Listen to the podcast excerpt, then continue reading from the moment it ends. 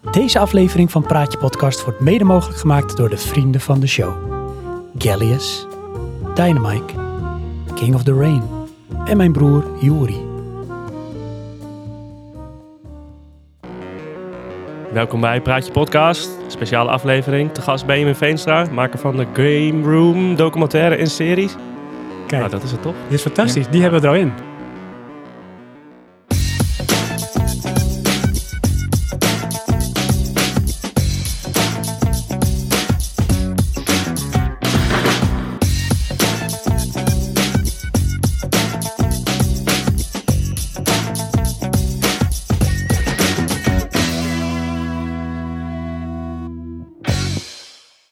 Dit zijn de outlines, want jij wilde ze niet. Nee. Het is ook heel weinig. Nou, mooi. En maar eh, we, ja, we hebben hem in uitzending. Ja. Is leuk hè? Ja. Dus naast dat we achter deze muur hebben we Gaston. Oh, god. Kom maar in Gaston. Nu hoor je normaal gesproken dus. Gaston. Zo werkt het. Het is allemaal nep joh. Het is artificial Ben. Nou, ik vind deze studio er heel echt uitzien hoor. Dus, dat vind ik wel eh, leuk. Ja, nou, we hebben sfeerlichtjes achter je. Die kunnen we overigens ook nog in andere kleuren doen. Hè? Als je denkt, ik ben meer van groen of rood. Ja. Ja, maar ik Dat hoorde hoor dus beter. eigenlijk, eh, de- volgens mij was dat de laatste aflevering of die aflevering daarvoor, dat, dat deze kleur gewoon altijd Ja. blijft staan. Ja, dit is Dat een als beetje je de default to go. Ja. ja. Wat Johan zei van, het is leuk dat je de kleur van de regenboog kan doen. Maar je kiest eigenlijk Ja. altijd Ja. Ja, ben ik met me eens. één kleur. Ja, En dat is deze. ja. En maar leuk dat je er bent, Benjamin. Dat je ook helemaal in de flash deze kant op wilde komen. Jij had ook wel de voorkeur van gewoon lekker live opnemen. zo is het. Ja, ja, ja, nee, dat is veel leuker. Eh, leuk om jullie ook te, te zien. Ja. Eh, andere vibes toch? Om het online te gaan doen. Dat Dat, eh, dat gaan we niet doen. Nee, nee, het kan ook weer. Dus eh je moest je van studio ver zien? komen. Ja, Van heel ver. ja, ik kom uit Zwolle. Voor de mensen die dat niet weten. Dat ligt in Overijssel. en eh, nee, dat is eh, ja, een uur en... Ik denk een uur en drie kwartier. Anderhalf uur, zoiets. Ja, Zo, ja, dedication. Maar ben je echt helemaal, zeg maar... Want jij blijft hier ook in de buurt, zei je, blijf je overnachten. Je weet niet eens waar. Want je- Als in van, je wist niet meer hoe het dorpje heette. Nee. Maar ben je helemaal daarvoor ook, zeg, heb je dat helemaal gericht omdat je hierin gaat? Of Ja. had je toevallig gewoon... Nee, Oh, dat vind ik echt wel helemaal... eh, nou, moet echt een goede show worden, joh. Ja. Wat verdikken we. Full the De pressure. heat is on. Ja. Hoor je net een verhaal over een show die niet zo heel positief ging? ja. Dan Oh, moeten we dit ja. vertikken.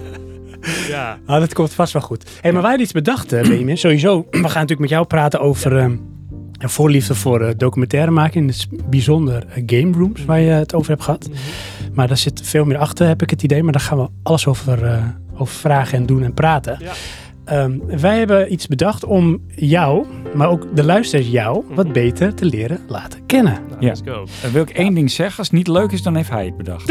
En dan mag je het ook gewoon zeggen. Ja, ja, ja, ja. Dus we hebben, we hebben tien ja, vragen of, of incomplete vragen. Die mag je aanvullen. Ja. Op je eigen manier. Denk er niet te lang over na. Ja. Gewoon schiet ze er lekker in. Ja. Gaston zorgt voor een lekker riedeltje. Ja. En ehm, deze tien vragen die hebben ook nog een naam. En dit is namelijk dit Benjamin Ik. Oké. Ja, beter kon ik het niet maken. Ja, Sorry, ja, dit ja. is het. Nou, het kan wel beter, maar eh, oké. Oké. ja.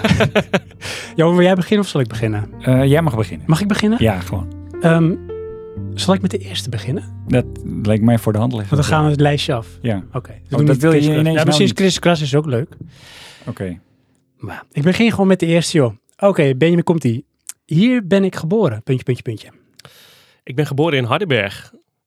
Kijk, nou, dat is keurig en Ja? snel, correct Ja, ja. en goedgekeurd. ken- Kennen jullie dat? Nee. Nee, Kennen jullie... eh, Wacht even, ken ik, ik dat niet? ik, ik heb altijd dezelfde ehm, point of reference. Eh Ponypark Slagharen kennen jullie misschien wel. ja, Ja, zeker. Nou, dat is eigenlijk gemeente Hardenberg. Dat weten heel weinig mensen. dat is ook wat, hè? Dat is ook helemaal niet raar dat heel weinig mensen dat niet weten of weten. Ehm, eh, ja, daar ben ik opgegroeid. Het is, een, eh, het is wel een stad. En ik denk dat er eh 15 of 20.000 mensen wonen. Ehm, echt eh, best wel oké eigenlijk. Leuke jeugd gehad.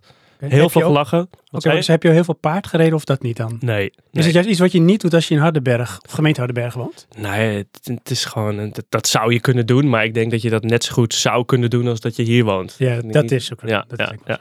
zo. Alright. Nee, maar ik, eh, ik reed geen paard. Ik heb gevoetbald, altijd, bij de lokale voetbalclub. Twee voetbalclubs heb je, Hardenberg 85 en HAC. Is dat ook eh, Clash? Ja, of, eh, zeker. Ja. Hardenberg 85 was de voetbalclub die ontstaan was bij een nieuwe wijk.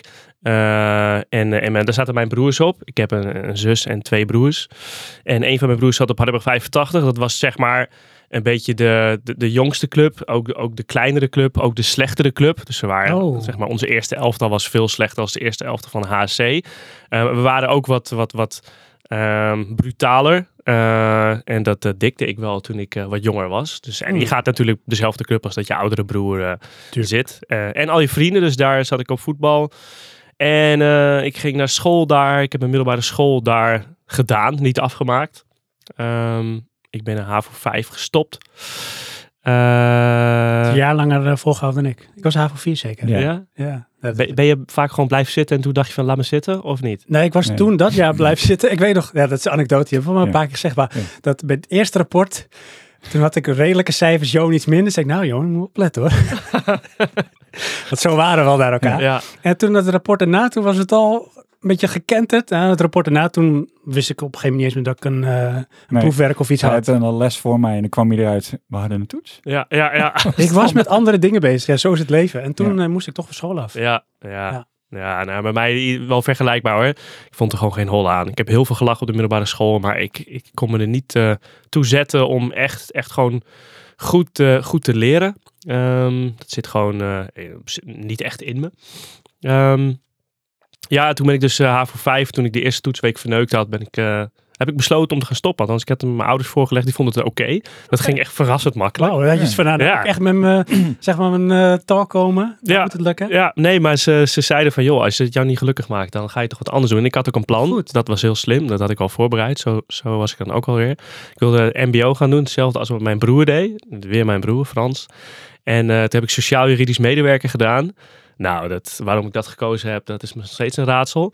Ehm, ja, dat was heel makkelijk, het MBO. En daar zagen ze je gewoon wel vol volwassen mensen aan, wat ik heel relaxed vond. Eh, maar ik heb daar niet veel gedaan. Nee, ik heb daar uiteindelijk drie jaar lang, eh, ik mag het wel zeggen, gewoon alleen maar een beetje jointjes gerookt. En, eh, en dat was mijn schooltijd, tot ik stage ging lopen in Emmen. En ik had het met jou over, Johan, dat jij veel met technische mensen werkt. Mhm. Ik daar op mijn stage ook. Ik eh, liep stage bij Randstad Techniek, Randstad Uitzendbureau, bij de eh, technische sector.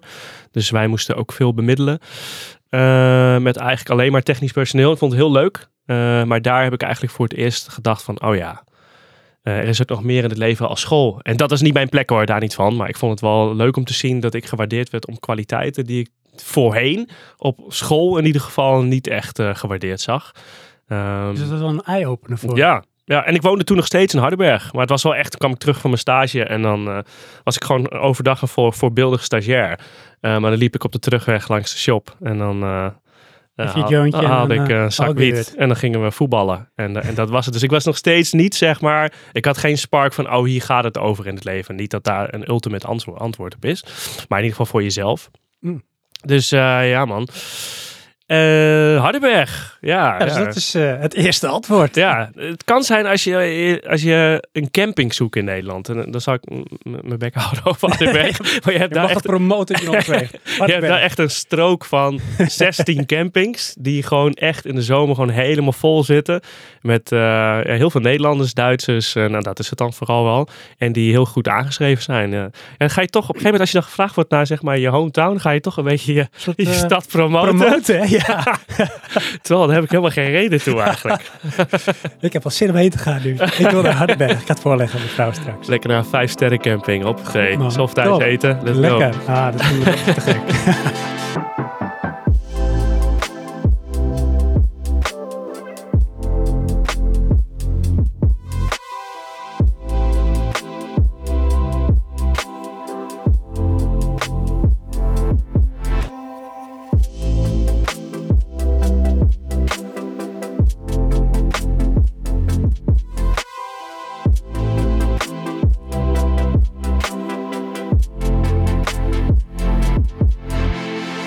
Oké, next question. Yes. Ehm, ja, we gingen wel de volgorde, hè? Ja, moet jij dat zelf weten. Mag jij zelf weten. Nee, want de Je laatste mag Benjamin een getal laten noemen.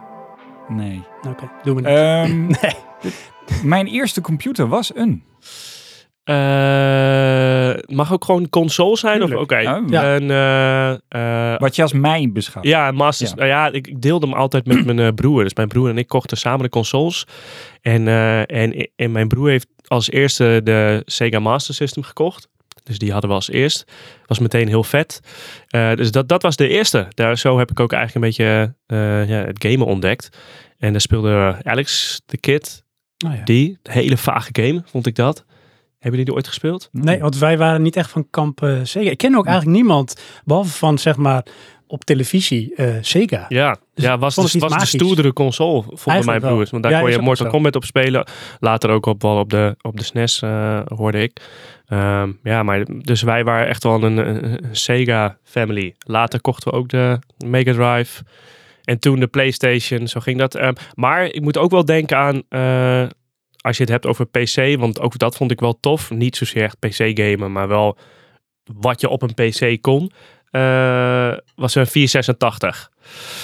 Dus eh, ja, meer weet ik er ook niet van. Maar dat weet was, je of het een DX2 66 megahertz was? volgens mij is ja 66 megahertz. Ja, die had ik toen ook. Dat was Ja. echt, dat was... Daar begon het. Ja, Ja, dan moesten we nog weer een, een soundblaster inzetten. Wat Ja, ja, ik zeker. fucking irritant vond. Ja. Dat je dat allemaal weer moest moest kopen. je alle, ja, Alles loskopen. Maar ik heb toch een computer? ja, precies. Ja, dat, Hoe dat is kan heel dat? gek. Hoe Ja. dan? Ja. Ja, ja, en dan moet je ook nog uitvinden hoe. Want je had geen YouTube-video's. Nee. Dus, maar had eh, je dan ook, zeg maar, of was het ook misschien jouw broer, die handige oom of zo, die dat Nee. dan wist? Nee, nee, nee, eigenlijk niet. We hadden wel een handige oom, maar die, die, wo- die woonde dan heel ver. Hm. eh, in Doesburg. En dat is dan weer wat verder. Ehm, helemaal, eh, ik weet niet helemaal toen de tijd. Dat is natuurlijk net zo ver. Maar in, in de beleving van eh, als je een kind bent.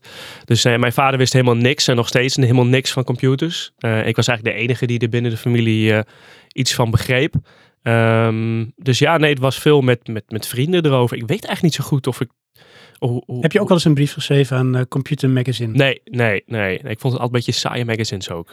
Die layout zag er ook niet uit. Altijd wit. Klopt. En, eh, ja. computer totaal, een Ja. crap ass name. Ga ik sowieso niet kopen voor mijn zes schulden, weet je. Dus eh, nee, Ja. nee. Maar ehm, ah, ik, weet- ik weet het trouwens wel, later, maar dat, dat was al een stukje later, ehm, toen die Twilight cd's uitkwamen. Hebben jullie dat meegekregen? Jazeker, ja man. Ja. Er was een dikke handel inmiddels op Ja, school. ja, echt hè? Ja. Ja, ja, die brandperiode, dat was een leuke periode. Dat is ook nog echt Hardenberg. Ik had een goede vriend, ook eh, ouder was die, echt wel een paar jaar ouder. Die had toen voor, had een brander gekocht. En die, die verkocht dus gewoon ook cd's, zowel audio cd's als, eh, als PlayStation 1 spellen. En eh, nou, vooral dat. En eh, toen ging ik op een gegeven moment ook voor hem verkopen. Omdat ik ook al via de vrienden van mijn broers op een gegeven moment... gewoon hele bestellingen kreeg. Gewoon albums van NWA en Tim Dog en al die shit en zo. En dan ging ik dat toen verkopen. Ja, dat, dat is echt vet. En wat deed je met het geld? dat weet ik echt niet meer, gezegd. Nee, wat, wat deed je? Weet ik veel. Snacks kopen. Eh, ja, Eh, kleding denk ik. Vooral Hm. dat. Ja, ja ik, denk, ik denk dat dat het was, ja. Kleding wel. Cool. Ja, Maar de eerste computer, dat Ja. was dus het uh, Sega Master System. exact. Ja, Gaan we door. Met vraag nummer 333.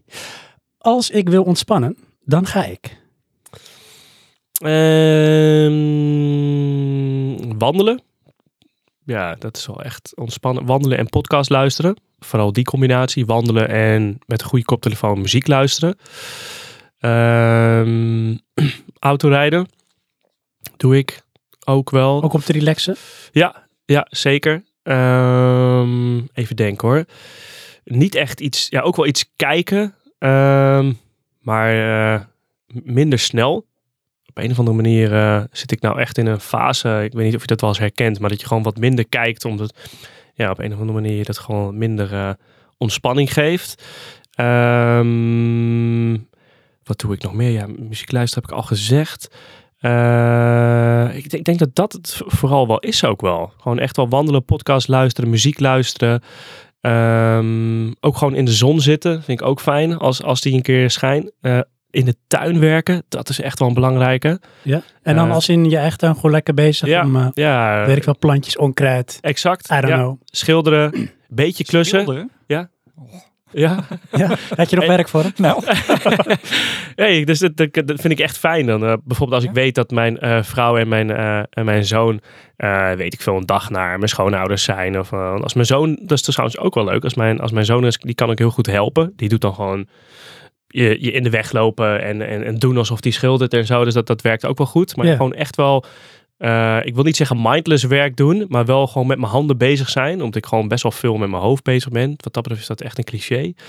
Eh, dus dat, dat, ja. Is het dan van, eh, dan disconnect je en ga je, weet je wel, gewoon door in het gevoel? Of is het juist van, ja, ik heb iets moois gedaan? Ehm, ja. Is het mindless of is het, het- voor resultaat? Nee, het is, het is allebei wel. Alleen ik ben ook, dus echt wel, ik ben ook wel eh, heel snel tevreden.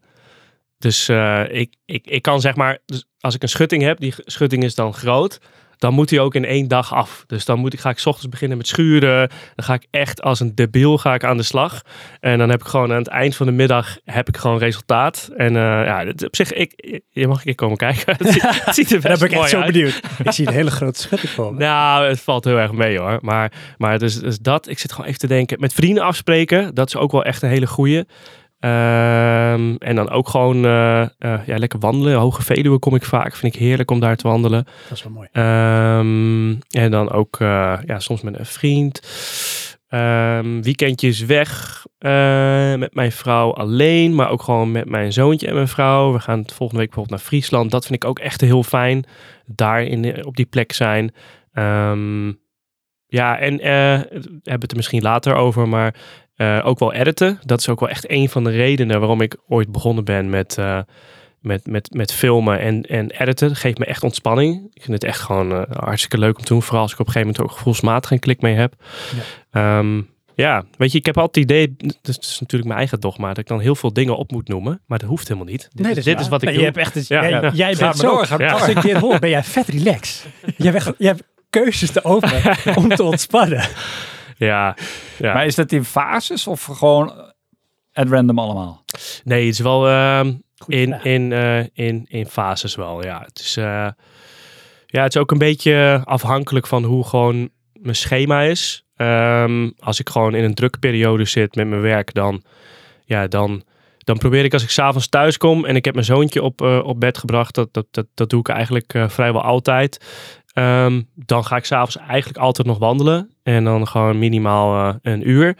Ehm, omdat het gewoon gezond voor me is. En helemaal als ik het overdag op kantoor niet heb kunnen doen. Of als ik eh, op pad was. Ja, en eh, op een of andere manier dan luister ik muziek anders. Als dat ik in de auto zit. Ik luister podcast dan anders. Ik connect weer even met de wijk waarin ik woon. Ehm, en met het seizoen wat er is. Dat klinkt allemaal heel idealistisch. Maar dat, dat is wel hoe, hoe ik het dan ervaar.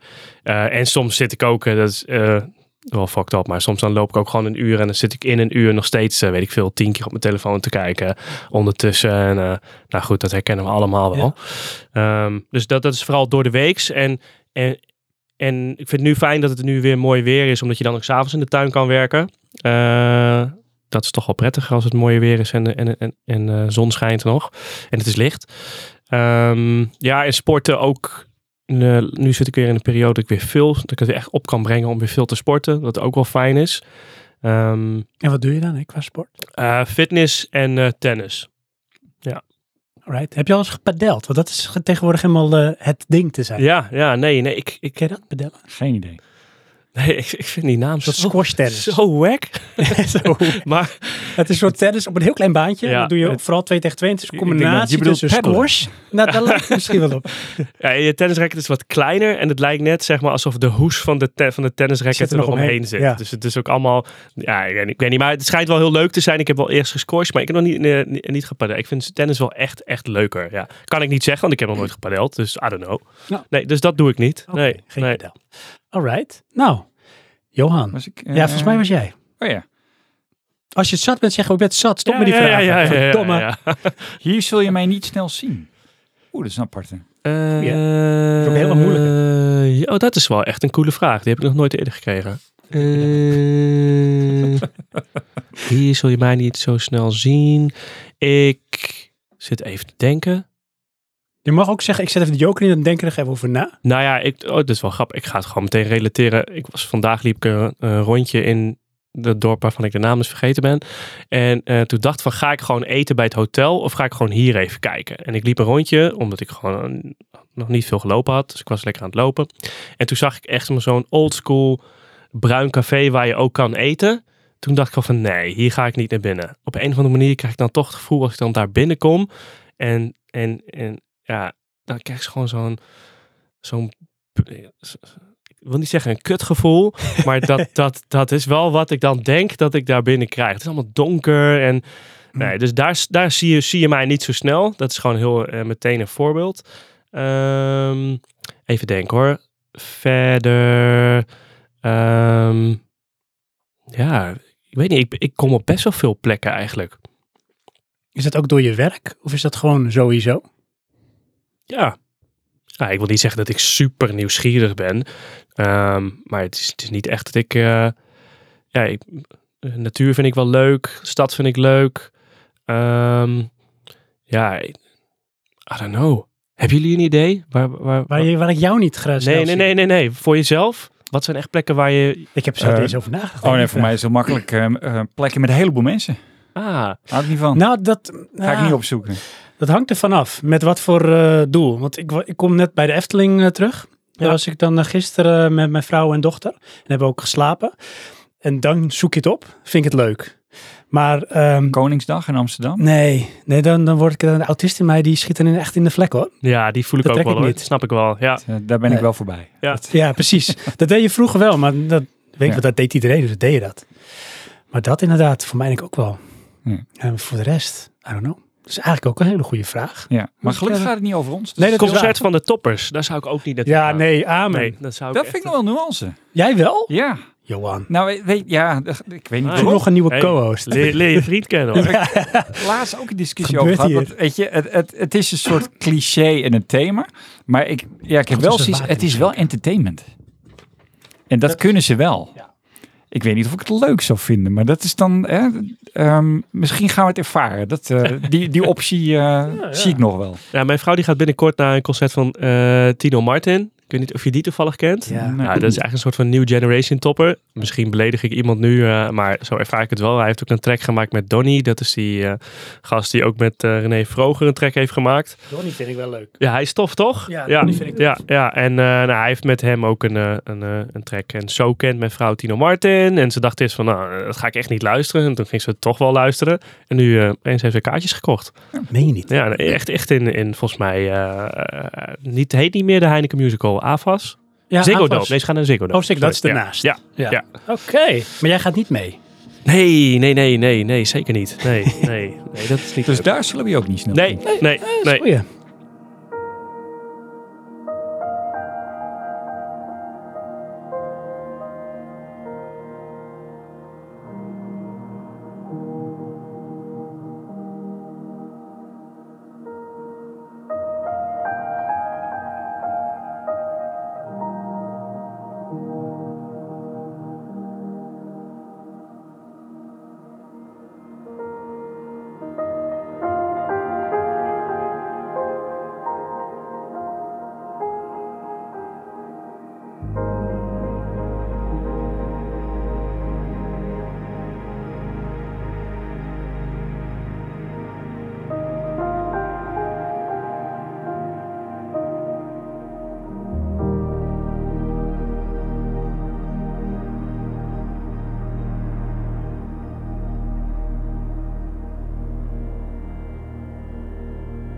Ehm, Ik ben. Oké.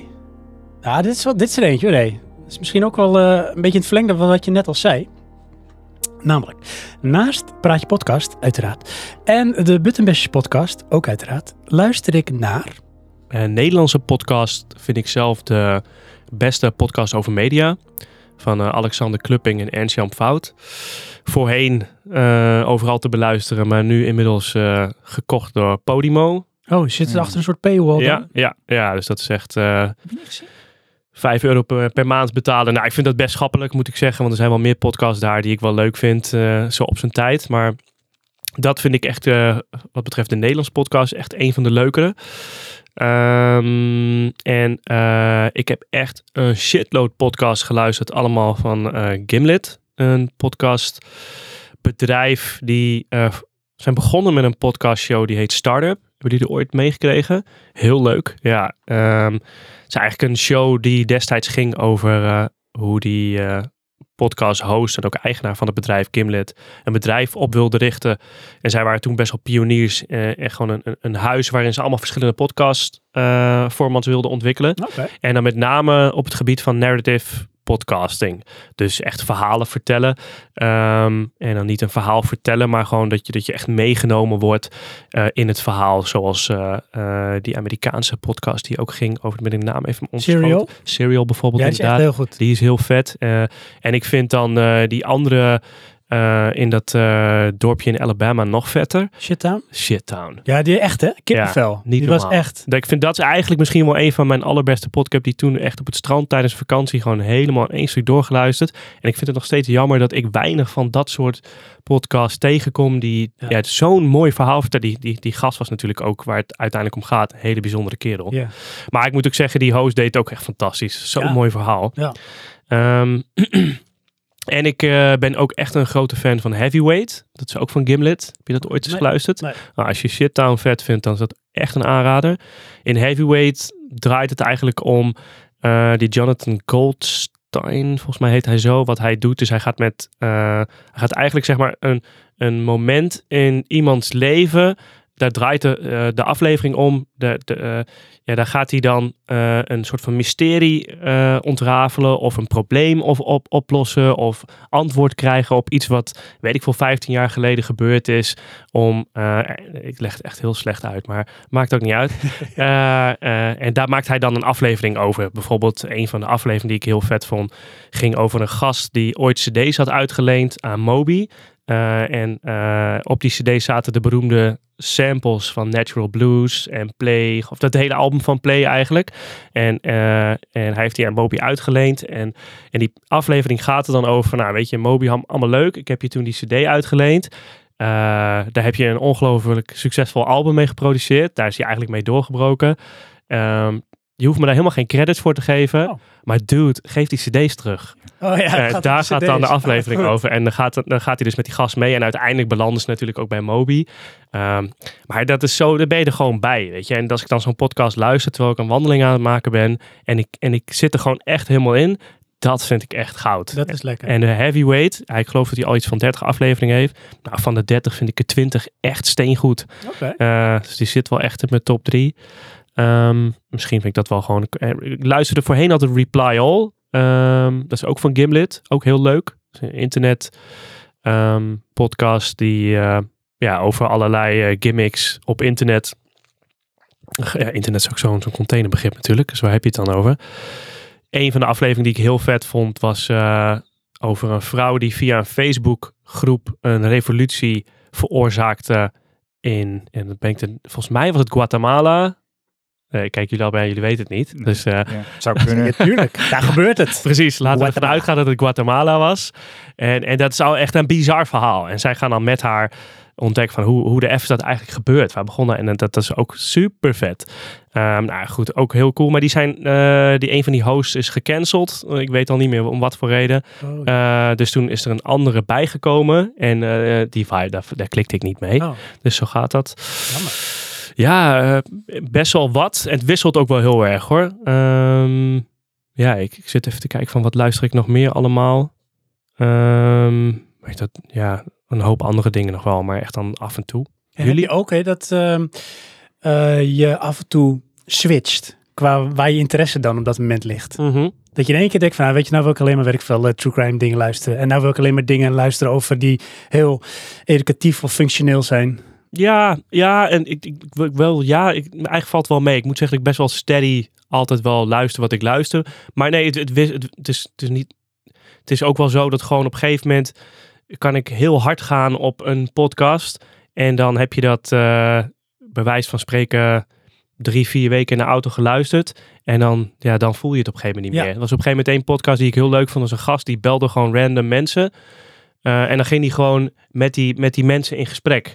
En, eh, en, en nou is het natuurlijk zo dat het was een Amerikaan, die, die kunnen sowieso best goed praten en Mm. best mooie gesprekken hebben, omdat ze allemaal, vind ik dan zeg maar, gewoon wat explicieter zijn over wat er in hunzelf leeft, waardoor, ja, altijd leuk, of niet altijd leuk, maar, maar dat, en op een gegeven moment, ja, terwijl die gesprekken waren nog even leuk, maar Dan ja, is even, was klaar Ja, en heb ik ook precies verzadigd en hoef ik het niet meer, hoef ik het niet meer te horen. Ja, zo heb ik nog een podcast geluisterd waarbij een gast eh, inmates ging interviewen, eh, dus een gevangene. wat ik een tijd heel tof vond en op een gegeven moment ook niet meer. Dus eigenlijk wel, ja, het, het, het wisselt wel. Maar ik, ik ben wel, ik denk eigenlijk dat ik meer van luisteren hou, van podcast, ja, ehm, consumeren dan echt iets kijken. Dat is wel echt veranderd de afgelopen jaren. Ja. Ja, ik ben echt wel een fan van podcasts. Dat heb ik ook. En dat vind ik eh, voor mezelf, ik weet niet hoe dat bij jou is, bij jou, maar omdat je het ook kan combineren met dingen. Wat je zegt met, eh, Ja, met lopen. Ja. Je moet geen hele lastige dingen aan doen zijn, want dan luister je niet echt. Ja. Maar gewoon uh, autorijden, Ja. ehm, in de tuin bezig, sporten, wandelen, dat werkt perfect. Ja. ja, helemaal mee eens. En het, het, het luistert ook wat je zegt anders. Juist misschien omdat je zelf ook in beweging bent en dat doet waarschijnlijk iets met je hersenen, waardoor het toch anders eh, binnenkomt. Ja, en het voelt ook, eh, dat zegt ze wel vaak, maar het voelt ook alsof het dichterbij is. Ja. Omdat het gewoon, eh, ja, ik luister altijd met koptelefoon op. Ja. Ehm, zelfs in de auto, als ik podcast luister. Dus ja, nee, ik heb wel echt, ik heb wel, was ik aan het hardlopen en dan ja, was dan gewoon een aflevering van een podcast zo goed, dan stopte ik gewoon. Dan moest ik gewoon luisteren van, ah, hier moet ik gewoon met volle aandacht bij. Eh, Op niet die manier. niet Oh. heel vaak gebeurd hoor. Ik presenteer het nou alsof dat elke keer, het is- dat is wel eens Staat gebeurd, iemand ja. gewoon middle of the Ja. road in één keer. Wat doet die gast daar? Nu moet ik stoppen. Ja. Alright. Eh Johan, podcast. Ben jij eigenlijk van de podcast? Nee. Je bent wel van Praatje Podcast. Ja, maar dat, ik, ik weet je, ik word er altijd 16. ingeluisterd en dan zit ik hier ook. nee, Dit ik, keer gaan we het eh, echt anders doen, Johan. Echt waar. Ik heb daar geen rust Oké. voor. Ik, ik kan dit niet luisteren terwijl ik iets anders doe. Hm. Eh, zelfs als ik eh, op mijn werk ben, dan luister ik eigenlijk altijd instrumentale muziek. Ja.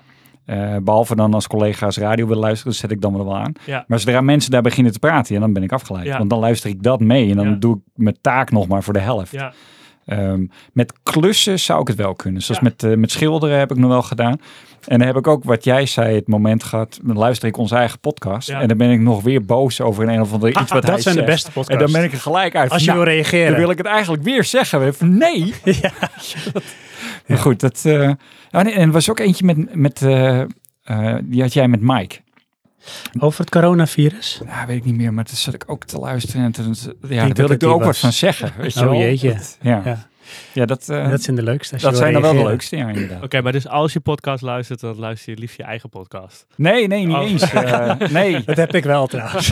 nee, ik luister dan eigenlijk het meeste Buttonbashers, denk ik. Oh ja, ja. Ja, dat dan Ah, wel. ja. Ja, die heb je echt, jij hebt die echt heel veel geluisterd. Ja, hè? ja. Sommige echt ook meerdere keren. Ja, ja, ja, het is gewoon een soort van ontspanning. Ik moet wel zeggen, die luister ik wel eigenlijk altijd als ik wel dus iets aan het eh, doen was. Ehm, maar ik vond het ook wel echt, ik vind het wel gewoon, eh, ja, hoe die gasten dat altijd gedaan hebben, hartstikke leuk. Ja, echt Ja. een, een leuk, eh, leuk tri- trio. En nu ook het duo Ja. als, ze als ze op een gegeven moment nog echt weer verder gaan. Volgens mij is dat wel de intentie, dus dat is hartstikke leuk. Ja. Dus ja, zeker. Die hebben wel een bepaalde chemie. Dat is gewoon iets. Zeker. Luistert gewoon echt, eh, echt lekker. En, en hebben jullie nog podcast tips? Jij dus misschien Ik minder? niet. Ik zit er heel hard op te denken, ja, dat is helemaal niet je ding. Maar ik luister nu dus heel veel, of nu, dat doe ik eigenlijk ook al jaren. Maar het is ook weer vaak in periodes. eh, heel veel over Formule 1. Hm. Ik ben gek van Formule 1. Hm. En ehm, Nederlandse podcasts op, het gebied van Formule 1 komen er steeds meer. Hm. Maar ook met steeds meer echt kenners die eh, deelnemen. Ik kan meepraten, dus ik ben heel benieuwd welke jij zeg maar in je top 3 hebt. Welke... Oh, serieus? Ja, ja, ja. Nou, de beste vind ik zelf toch eigenlijk wel ehm, de NOS eh, Ah, podcast. nice, nice, nice. Met eh, Jan Lammers Ja, en ja, eh, ja. met, eh what's his name? Oh, gelukkig. Ik hoopte al dat je dit zou Ja. zeggen. Eh, Louis? Louis Dekker. Ja, Ja, nee, zeker. Vind ik ook, vind ik ook. Ja, en eerst was het met Emma Brands, maar die zit natuurlijk bij Viaplay Ja, nu. ja. En nu doet, eh hoe heet ze het? En die doet het eigenlijk ook heel goed. Dionne. Vind ik stiekem eigenlijk wel ietsje beter. Ik ook. eens. Want die heeft een hele lekkere ja, soort regie-flow met, Ja. met die mannen. Dat werkt Ja. gewoon goed. Ja, ja, ja, ja, dan leuk. ben ik wel benieuwd welke je nog meer luistert. Eigenlijk alleen maar die. Want, ja, ik vind die gewoon echt... eh, ik, eh, ik heb op een gegeven moment een periode gehad dat ik er wel twee of drie, lu- nee, twee luisterde. Eh, maar ik trek gewoon Jack Ploy niet. Oh nee, Nee. ja, nee, ik ook niet. Nee. Want je hebt dus ook Formule 1 aan tafel. Ja. En dat is met, ehm, hoe heet die, ehm, van Q-Music, die... Wiets? Ja, nee, is het iets? Nee, die andere volgens mij. Ik weet niet. Nou goed, één van die twee. I Ja. don't know. Maar die eh, presenteert het. En dan heb je dus eigenlijk altijd wel Jack Ploy en Olaf Mol. En dat trek ik ook niet zo heel goed. Nee. En eh, daarnaast heb je er eentje met Tom Coronel. Oh ja. Net even wat voorbij ik ben. Want die kan nog wel eens eh, Ja. uit de hoek komen. Ja, ja. En er is er eentje, dat is ehm, eh, F1 Race Reporter. Oké. En die vind ik echt wel ook een aanrader. Dat zijn gewoon echt liefhebbers van de sport. Mhm. En dat is een viertal. Maar die gaan gewoon ook lekker op de inhoud. Eh, wel een beetje een soort kroegenpraat sfeertje. Ja. Maar ook wel eh, inhoudelijk. Ja, nice. Ja, die van de NOS die luister ik ook. Oké, Na elke race wel. heel goed. Ja. Bezig. Ja, ja. Gaan we door, Johan. Want eh, we zijn lekker over bezig zijn. Mag Bezig. ik weer? Ik denk het wel. Eh, oh, ik verdien de kost met. Ik heb een, eh, een eigen bedrijf, dat heet eh Olly. En dat is een eh, training- en projectbureau. En wat wij doen is eh, zogenaamd youth empowerment. Oftewel, wij willen proberen de jeugd van Nederland te empoweren in hun idealen. Eh, en concreet komt het erop neer dat we heel veel trainingen en projecten geven en bedenken die te maken hebben met persoonlijke ontwikkeling en het motiveren van jongeren. Dus hoe kan je de jeugd van tegenwoordig eh, ja, tools geven eh, ja, om hun persoonlijke ontwikkeling naar een volgend level te brengen. Dat en heb je daar ook wel eens, zeg maar, eh, media als output in meegenomen? Voor, zeg maar, je ontplooien? Ehm, Zoals bijvoorbeeld podcast of filmen of... Eh, niet per se. Nee, ik moet wel zeggen dat wij. het, het komt wel eens voor in, in, in, in wat grote projecten die we dan in samenwerking met een school doen. Dat, ze, dat, dat, dat, eh, dat, dat we eigenlijk jongeren helpen om zelf content te maken. Eh, maar dat is niet echt per se onze specialiteit. Het is meer dat we dan hen motiveren en hen eh, faciliteren om het zelf te kunnen doen. Maar dat is niet echt heel erg wat we als bureau doen. We geven wel echt gewoon ja, trainingen die echt te maken hebben met persoonlijke ontwikkeling. Daar hebben we drie P's voor. Dus ja, dat is eigenlijk waarmee we aan de slag gaan. Ja, Alright, nice. Ja. Goed bezig. Leuk Ja. om te doen. ja zeker ja. ja. Ik doe dat al eh, nu zes jaar dat, het, eh, dat Olly bestaat. En daarvoor werkte ik eh, met mijn huidige businesspartner bij een bedrijf. Daar zijn we op een gegeven moment weggegaan. Eh, en zo zijn we voor onszelf begonnen. Eh, onder de vlag Olly. Ehm, ja, en wat ik zeg, dat doen we nu zes jaar. Dat gaat hartstikke goed. Eh, En als je dan even terug gaat zeg maar, naar de Benjamin die lekker zeg maar, met je jointje toen eh, stage liep en van Life All Good. ja, Is nou, dat, ook- dat dacht ik niet hoor. Nee. ik wist wel voor- diep van binnen dat er iets niet goed was. maar dacht je ook van ja, fuck, ik heb een plan nodig. Had Ja. je dat toen ook een beetje voor jezelf? Eh, nou, ik- Is daar ook misschien motivatie ontstaan om te doen wat je hebt gedaan nu met je bedrijf? Ja, zeker wel. Absoluut. Dat is wel de kern, zeg maar, van waardoor ik eh, wa- waar een soort van eindeloze energie heb om eh, met Olly aan de slag te gaan. Juist omdat ik het gevoel had, altijd al op de middelbare school en ook wel op MBO en HBO, dat ik het idee had dat zeg maar de kwaliteiten die, laat ik het voor mezelf spreken, die ik zelf belangrijk vond en ook gewoon het karakter wat je hebt en zoiets als humor, eh, dat dat heel weinig gewaardeerd wordt. Dus er wordt vooral gewoon naar output gekeken en een best wel weinig output in vergelijking met wat een mens allemaal kan eh, en wat een maatschappij van je vraagt eh, en wat je misschien zelf als mens gelukkig maakt. Dus daar is wel dat gevoel van gekomen van, hé, hey, daar zou ik eigenlijk iets mee moeten. En toen ben ik bij een stagebedrijf terechtgekomen waar ik ook lang gewerkt heb, waar die kwaliteiten wel heel erg gewaardeerd werden. En zo is dat wel een beetje gaan ontstaan, ja. Eh, eh, en, en, en nu zijn we ja, met Olly eh zo ver dat we daar wel verschil in kunnen maken. Dat klinkt natuurlijk heel tof, maar we kunnen gewoon wel voor veel scholen, veel, bij veel scholen veel jongeren bereiken. Ehm, ja, en dat, dat, dat is wel tof natuurlijk. Dat, Dat klinkt echt ja, zeker ja. ja.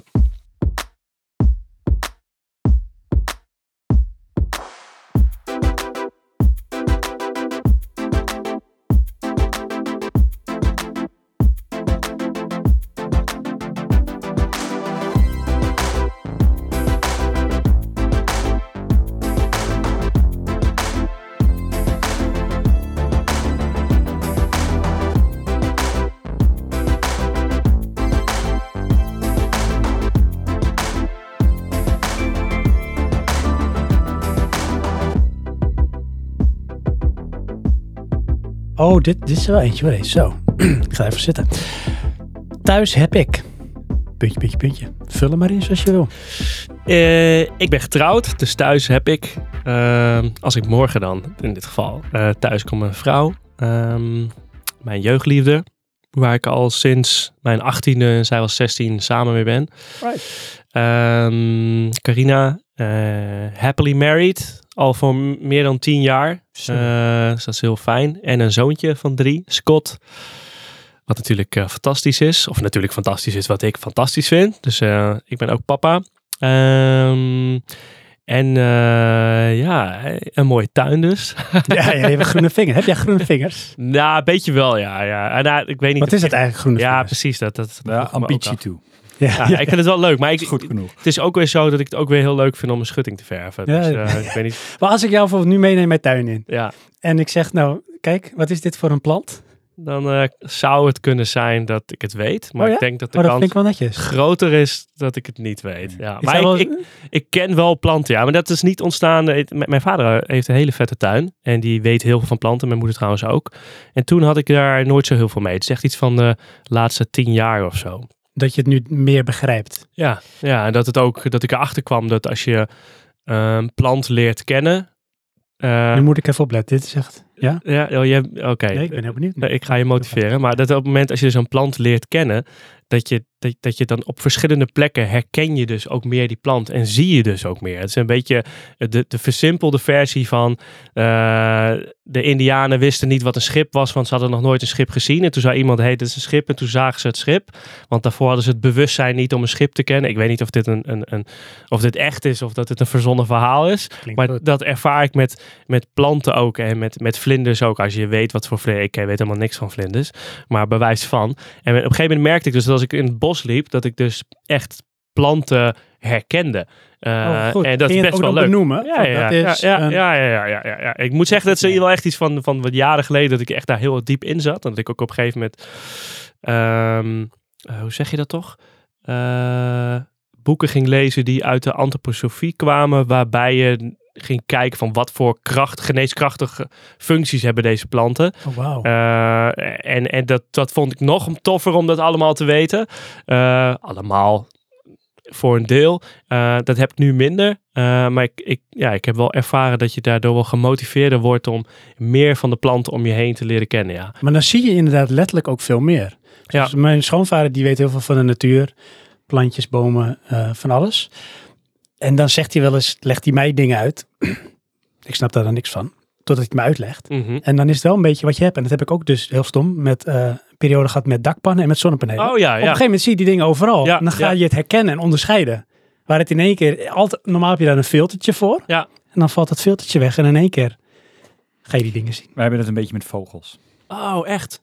Ken jij vogels, eh, zeg maar van, oh dat is... eh, Eh, nou, in mijn jeugd wist ik dat veel meer. Maar nu eh, hebben wij, wij zijn twee jaar geleden verhuisd. Nu hebben we een tuin en Ja. er zitten allemaal vogels. Ja. En ik zat vroeger bij de, de, de padvinders, honderd jaar geleden. Ja. Mijn hele leven gezocht naar een specht. En nu hebben we gewoon spechten bij ons in de tuin. Ah, de bonte specht. Het speciaal is er gelijk af, want je ziet hem nu bijna elke dag. Weet je, maar, Of je hoort hem. ja. Maar het is wel vet toch? Als je gewoon weet wat voor vogel het is. Ik, ik heel eerlijk. Scott die eh, vraagt wat mijn zoon. Wat is dat voor vogel? En dan weet ik het niet. En laatst had ik zelfs een keer. Dit is echt erg. Ik schaam hier wel een beetje voor. Maar toen liep ik met eh, Scott langs een watertje. Wij wonen vlakbij een water. En, en, en toen vroeg ik aan Scott, letterlijk omdat ik het niet wist, van is dat een zwaan of een gans? En toen zei Scott, hij, hij is drie hè? Hij zei dat is een zwaan papa. Ja, ik wist het niet. Wat goed. En ik, en, Ja. Zo word je weer bijgebracht. ja, ja. Jij er leert hem een zijn veten strikken. Ja. En jij weet het onderscheid tussen een zwaan en een gans. En ik weet zeker, hij heeft van zijn schoonvader, of niet van zijn, hij heeft van mijn schoon, niet van zijn schoonvader, hij heeft van zijn opa of, of, of zijn oma geleerd. Die weten heel veel. En mijn opa weet alles van, of niet alles, maar veel. Maar het lijkt, ja, wel een beetje, lijkt me wel leuker als, ik als je er wel wat van weet. Dat Toch? is toch mooi? Ja, het houdt je bezig. Ja. Ja. Weet Ja. je wel? We, zijn, we hebben een vogelhuisje inmiddels. En dan zien tof. ze nesten en dat soort dingen. Ja, Dus wat jij toen volgens mij ook uitlegde over ehm, met het, het grote gat was van een vogelhuisje. Ja. En Je hebt verschillende maten in een vogelhuisje. En dat is dus voor een verschillend soort Ja. vogels. Ja, ja. Dan, eh, de kleinste is voor eh, een eh, pimpelmees. Iets groter is een koolmees. En dan Ja. nog groter. En dan wordt het van alles. huppatee. Dus- en je hebt dan de, de eksters, de kraaien en de Dat zijn. Die proberen hem te slopen. ja, Ja. bastard Eh, zijn. Maar als je dan zeg maar een gro- groter gat hebt, is het dan zo dat, dat de pimpelmeester alsnog zeg maar... Dat zou wel kunnen. Oké. Ja, maar het zo'n goed, mooi an- gesprek nu worden dit. Dat is echt Dit fantastisch. is een soort van belemmering.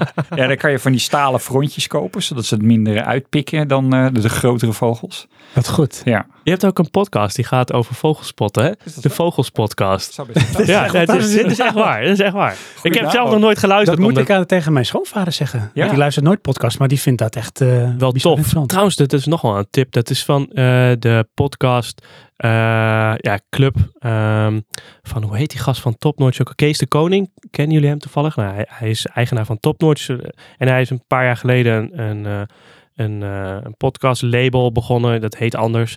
Maar, en daar hebben ze dus ook de Vogels podcast, die heel, die heel leuk schijnt te zijn. Uh, en ze hebben ook een podcast die heet Augsvaart, ook heel tof, met Duwtje Heuvelings. En dan gaat ze met veelal rappers, niet alleen, in gesprek over wat zijn de drie tracks die je zou willen luisteren op je uitvaart. Oh, Uh, het oh. klinkt heel heftig, maar de gesprekken die zij heeft is ook echt heel tof. Maar uh, Vogels podcast, Johan. Hey. Vogels podcast. Ja. Klussen, Vogels podcast. Ja. Ja, komt in de show notes. Nice. Pro, tip. ja. We zijn er bijna. Echt. Het komt goed. Was ik of was jij? Jij. Echt waar? Oké. Denk ik. Mijn grootste hobby, Benjamin, dat is? Niet mijn, hè? Jouw grootste Nee, hobby. nee, ik snap het. Ehm, ja, ik denk echt qua hobby gewoon wel van hobby, hobby. En ook ik, met een hobby denk ik altijd van ja, iets wat je leuk vindt. En misschien ook wel iets waar je toch weer wat beter in zou willen worden. Iets waar je ook wel moeite in wil steken. Uh, en iets wat je ontspanning geeft. Um, dan is dat wel, zou ik meer zeggen, editen. Dat vind ik wel echt heel erg leuk. En daar heb ik al echt, ja, soms wel belachelijk veel tijd in gestoken. Uh, wat, ja, wat ik er altijd voor over had. Um, dus ik zou dat wel meer als, een, uh, als echt mijn hobby omschrijven. Ik heb dat niet met, met gamen. Ik vind gaming als interesse gewoon wel leuk. Of wel leuk, eigenlijk wel heel leuk. Maar ik merk echt bijvoorbeeld de laatste jaren dat ik steeds minder game. Koop nog alles, super dom. Uh, je koopt echt nog steeds veel. Bijna games. alles, ja. Echt, uh, niet, niet, niet, niet, niet, qua games hoor, maar wel consoles veel. Oké. Okay. Uh, en ook als er weer een upgrade is, dan koop ik het ook weer. Echt belachelijk. Um, ik zit ook wel nu een beetje, zeg maar, ik denk van ja, moet, moet ik dat nog blijven doen? Wat heb jij ook zelf? Ja, misschien moeten we dan in het hoofdwerp, voor het hoofdonderwerp mm -hmm. bewaren, maar dan is het een soort cliffhanger. Of je ook een game room hebt. Um, als ik het vergelijk met. met ja, uh, ik zou zeggen meer wel dan niet. Uh, zo is het ook. Dus ik heb wel gewoon uh, in mijn huis boven een, uh, op zolder een, een, kamer waar ik ook, nou, zoals hier een setup heb waar ik edit en ook werk. Dus het is ook mijn, mijn, mijn kantoor als ik thuis werk. Ik heb tegelijkertijd wel een kast vol met games. En ook wel meer, denk ik, dan misschien de gemiddelde gamer en van consoles waarvan je zou denken van nou, dat is echt al twintig jaar geleden, is dat nog nodig? Um, dus dat, dat heb ik wel. Zou je ook jezelf uh, hebben kunnen interviewen nee, voor je serie? Nee, I don't think so. Nee. Maar niet dan letterlijk, hè, maar als, zeg maar als een type gamer, verzamelaar. Nee, nee, nee, denk het niet. Heb jij nee. dan ook niet dan zeg maar de verhalen erachter? Dan, dan gaan we een beetje richting hoofdonderwerp. Nee, mee, maar, dat, toch? maar dat denk ik niet. Nee, dat denk Nee? ik echt niet. Nee, nee, want ik vergelijk het natuurlijk ook met de mensen die ik, eh, met, met wie ik de documentaire en de serie heb gemaakt. Dat is, de, dat is een heel ander soort liefde die zij ervoor hebben. Dat wat ik heel, op een heel ander niveau echt uh, uh, wat ik niet zo beleef als dat zij het beleven. Die twink, twinkeling, zeg maar. Dat is toch anders. Het is ook bijna wel, ja... Het is voor mij gewoon een stukje nostalgie en uh, nou, that's it eigenlijk. Ja. Ik niet, uh, de verhalen achter die ene nou, console of... Uh, misschien als je er nu zeg maar, als ik, dan, dan ga ik toch weer nadenken. Ik denk toch wel een paar je, games. je noemt je broer, dat was misschien iemand ja. die altijd al bezig was. Of... Ja, dat, dat, dat, dat is waar. Ja, ja, ja, maar ja. dat editen? Ja. Heel goed, um, heel goed Johan. Pak hem terug. Back on topic. Ja. Yes. Um, is het het editen of is het het filmen? Dat wilde het ik ook, dat wilde ik ook vragen. Nou, ik kan niks editen wat ik niet zelf heb ge gefilmd. Nee, dat heb ik wel eens geprobeerd. Oh, dat is niet leuk. Nee, nee. Oh jeetje. Nee, ik, weet je wat, weet je, en heb ik gedacht van, hoe kan dat nou? Een soort van challenge dan?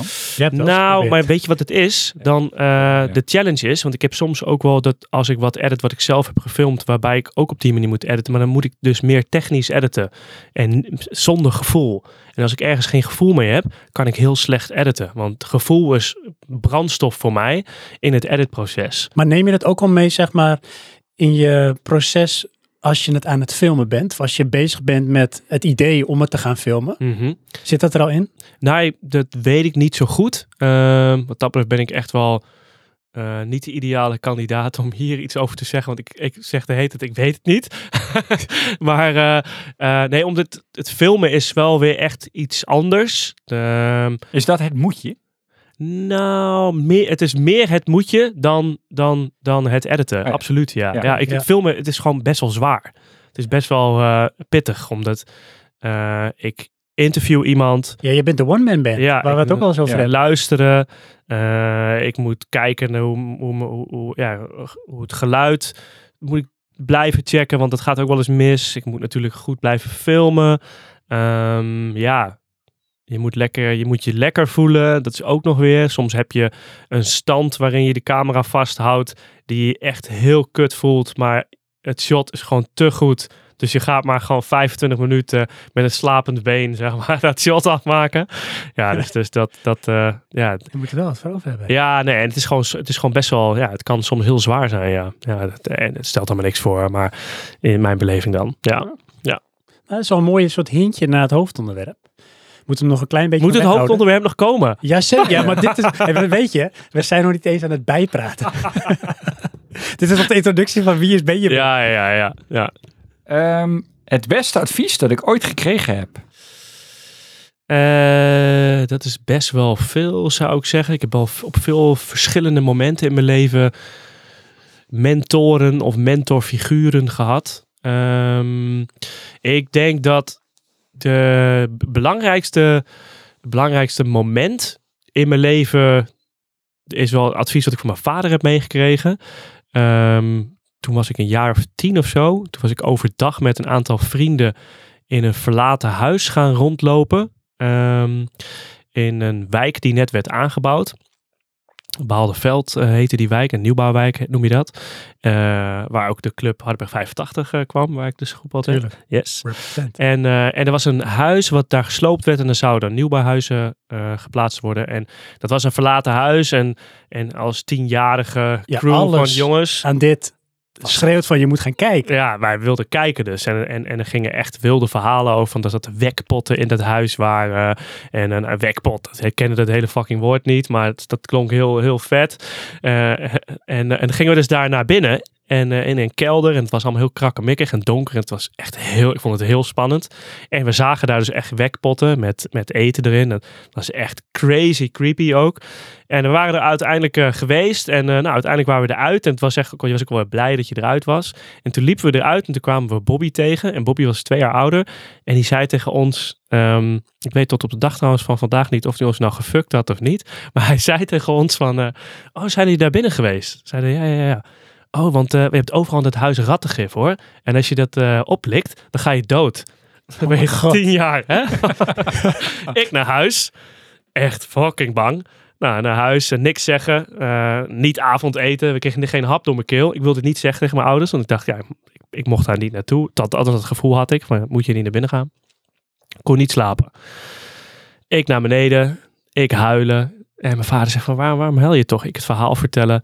En uh, mijn vader zegt van, joh, maak je me niet druk en uh, niks aan de hand. En, en toen zei hij, en het is een heel simpel advies, hè, want ik maakte me dus heel erg zorgen. Toen zei mijn vader tegen mij van, joh, Benjamin, maak je geen zorgen over de dag van morgen.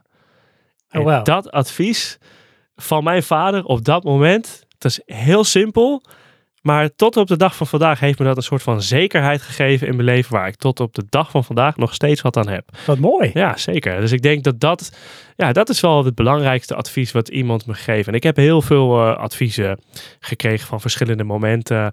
Uh, nu nog steeds. Um, wat, wat, wat heel waardevol voor me is. Um, maar dat advies is me nog het meest bijgebleven, ja. Dus dat is een soort met persoonlijk mantra die je meedraagt? Nou, het is, dat, is weer, dat is ook weer niet zo. Het is, het is, het is niet een mantra. Het is gewoon, gewoon rood licht, mond te Rood licht, we gaan gewoon door. Geen zorgen dag morgen. nee, het is niet een mantra of zo. Maar het is, ik, ik denk ook dat het... het uh, ja, het is natuurlijk ook doordat het van je vader uh, kwam op dat moment in een fase van je leven waarbij je heel kwetsbaar bent, um, is, dat, is dat gewoon heel waardevol.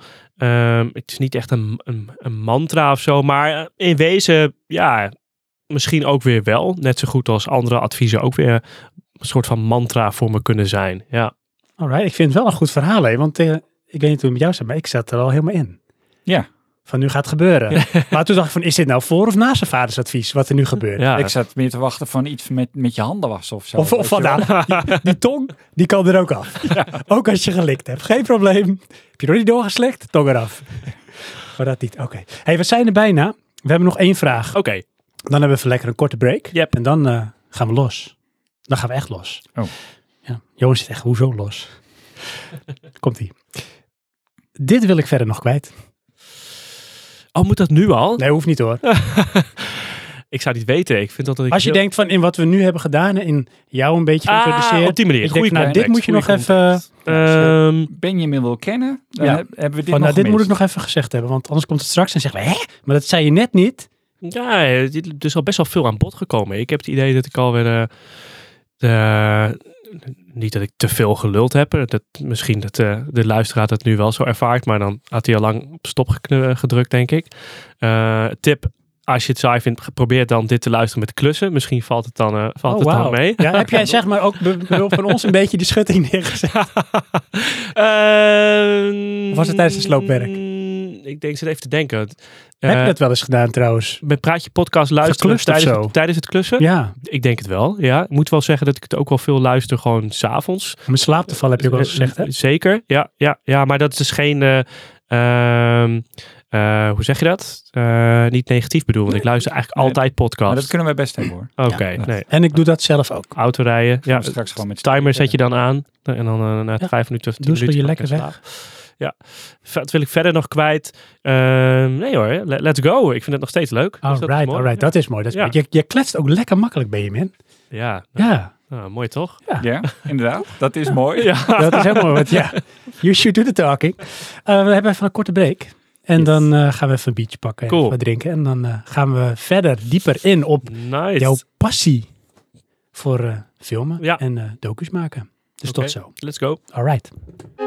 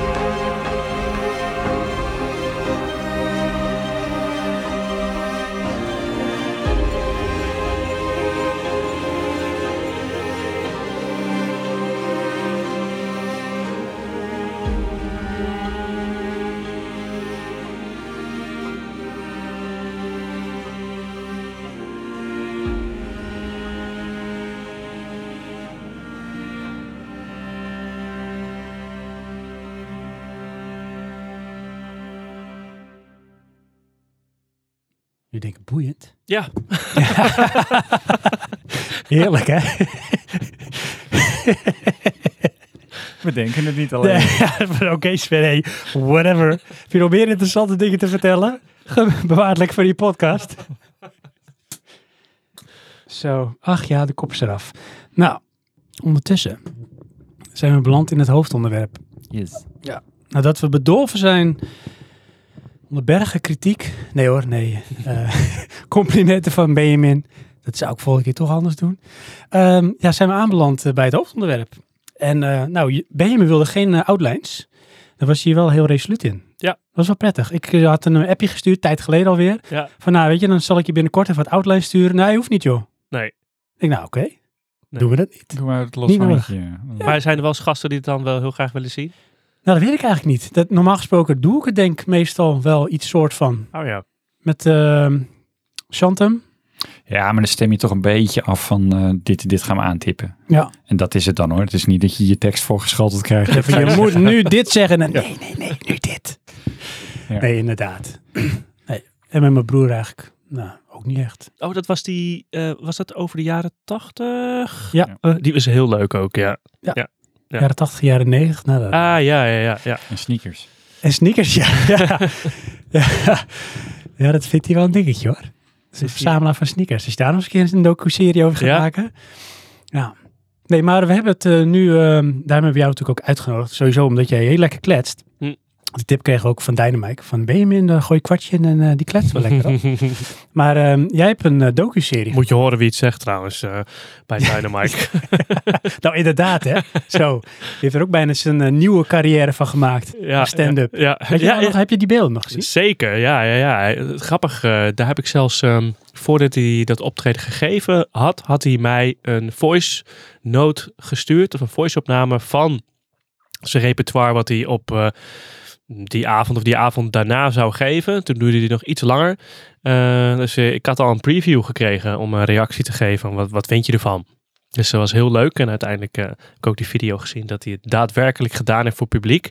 Dus ja, dat wel props voor hem dat hij dat gedaan heeft. Ik Ja. doe hem dat echt niet na. Nee, dat is Nee. echt wel scary shit. Hij heeft dus ehm, in Enschede was het zeker? Of was het in, was het in Enschede? Ja, dat- volgens mij wel. Nou goed, bij de, daar in eh, Twente. ja, heeft hij dus opgetreden bij een soort stand-up eh, comedian show. Dan Oké. kon je gewoon zeg maar voor nou, inschrijven aanmelden. Hij, had, hij kreeg een paar minuten om eh, zeg maar zijn, zijn praatje te doen. En het was een soort lang gekoesterde droom. Iets wat hij heel lang heeft weggestopt van nou, misschien ooit in een ander leven. Ja.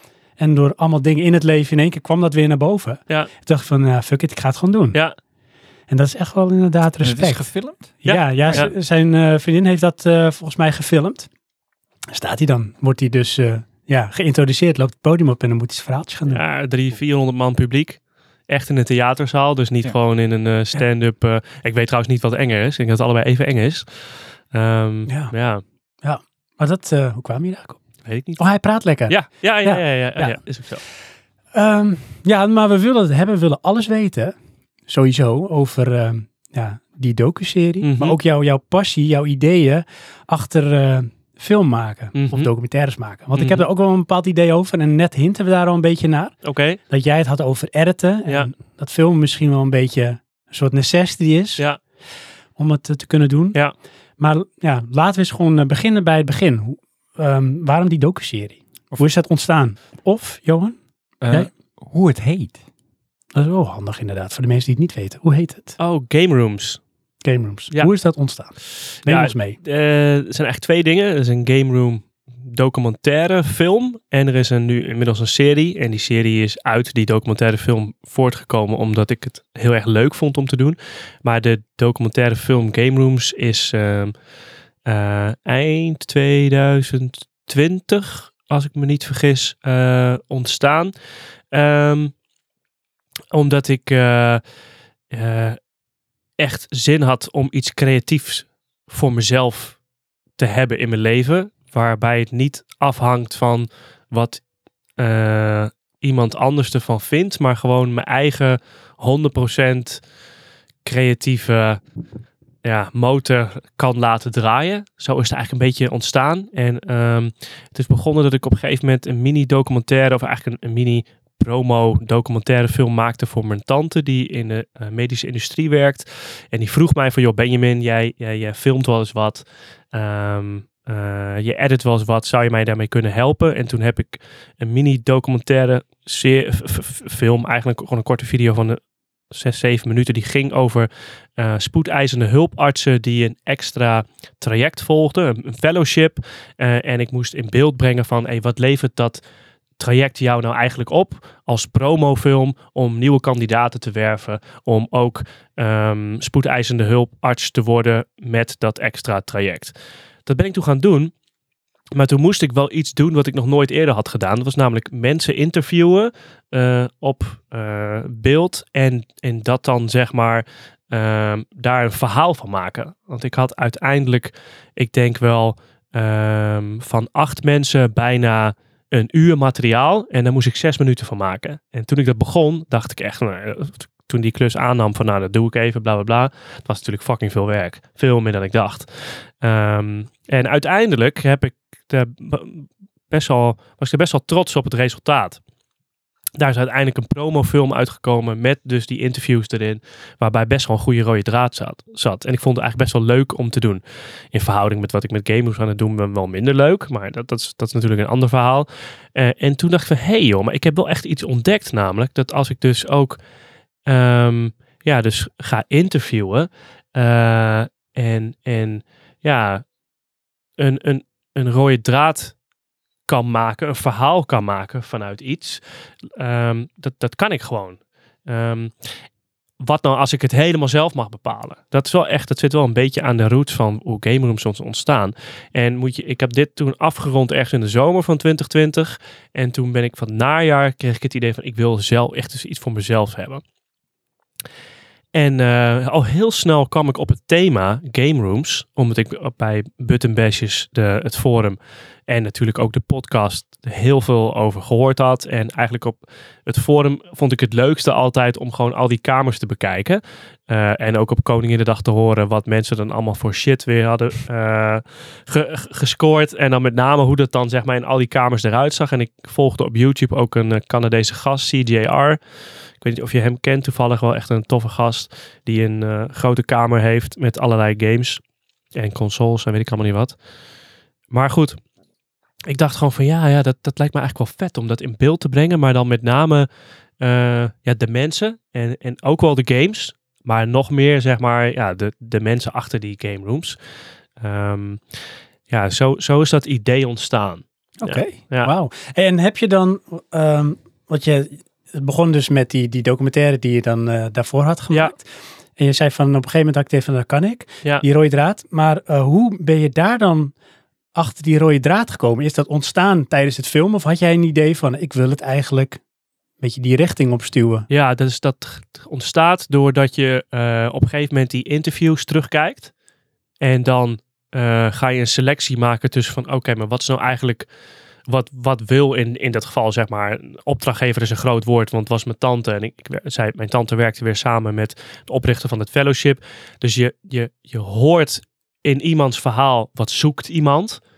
Um, en op een gegeven moment ga je dan uh, ook in de verhalen van die mensen terughoren uh, het antwoord op wat die ander zoekt. Dus wat diegene graag, zeg maar, uh, ja, de, de artsen zou willen laten vertellen. Uh, die artsen mogen natuurlijk zeggen wat ze willen, maar op een gegeven moment maak je daar een selectie en dan ga je dus ga je gewoon heel grof knippen van nou, dit is het allemaal niet. En om wat voor reden dan ook, omdat het inhoudelijk neer, niet mee te maken heeft, of omdat het uh, in de video net niet lekker klinkt, of het heeft net even, nou, om wat voor reden ook, dat haal je er dan uit. En dan op een gegeven moment ga je een selectie maken. En die selectie wordt gewoon steeds kleiner. En dan ontstaat er gewoon een, een rode draad, omdat je ook de linken gaat zien met de andere interviews.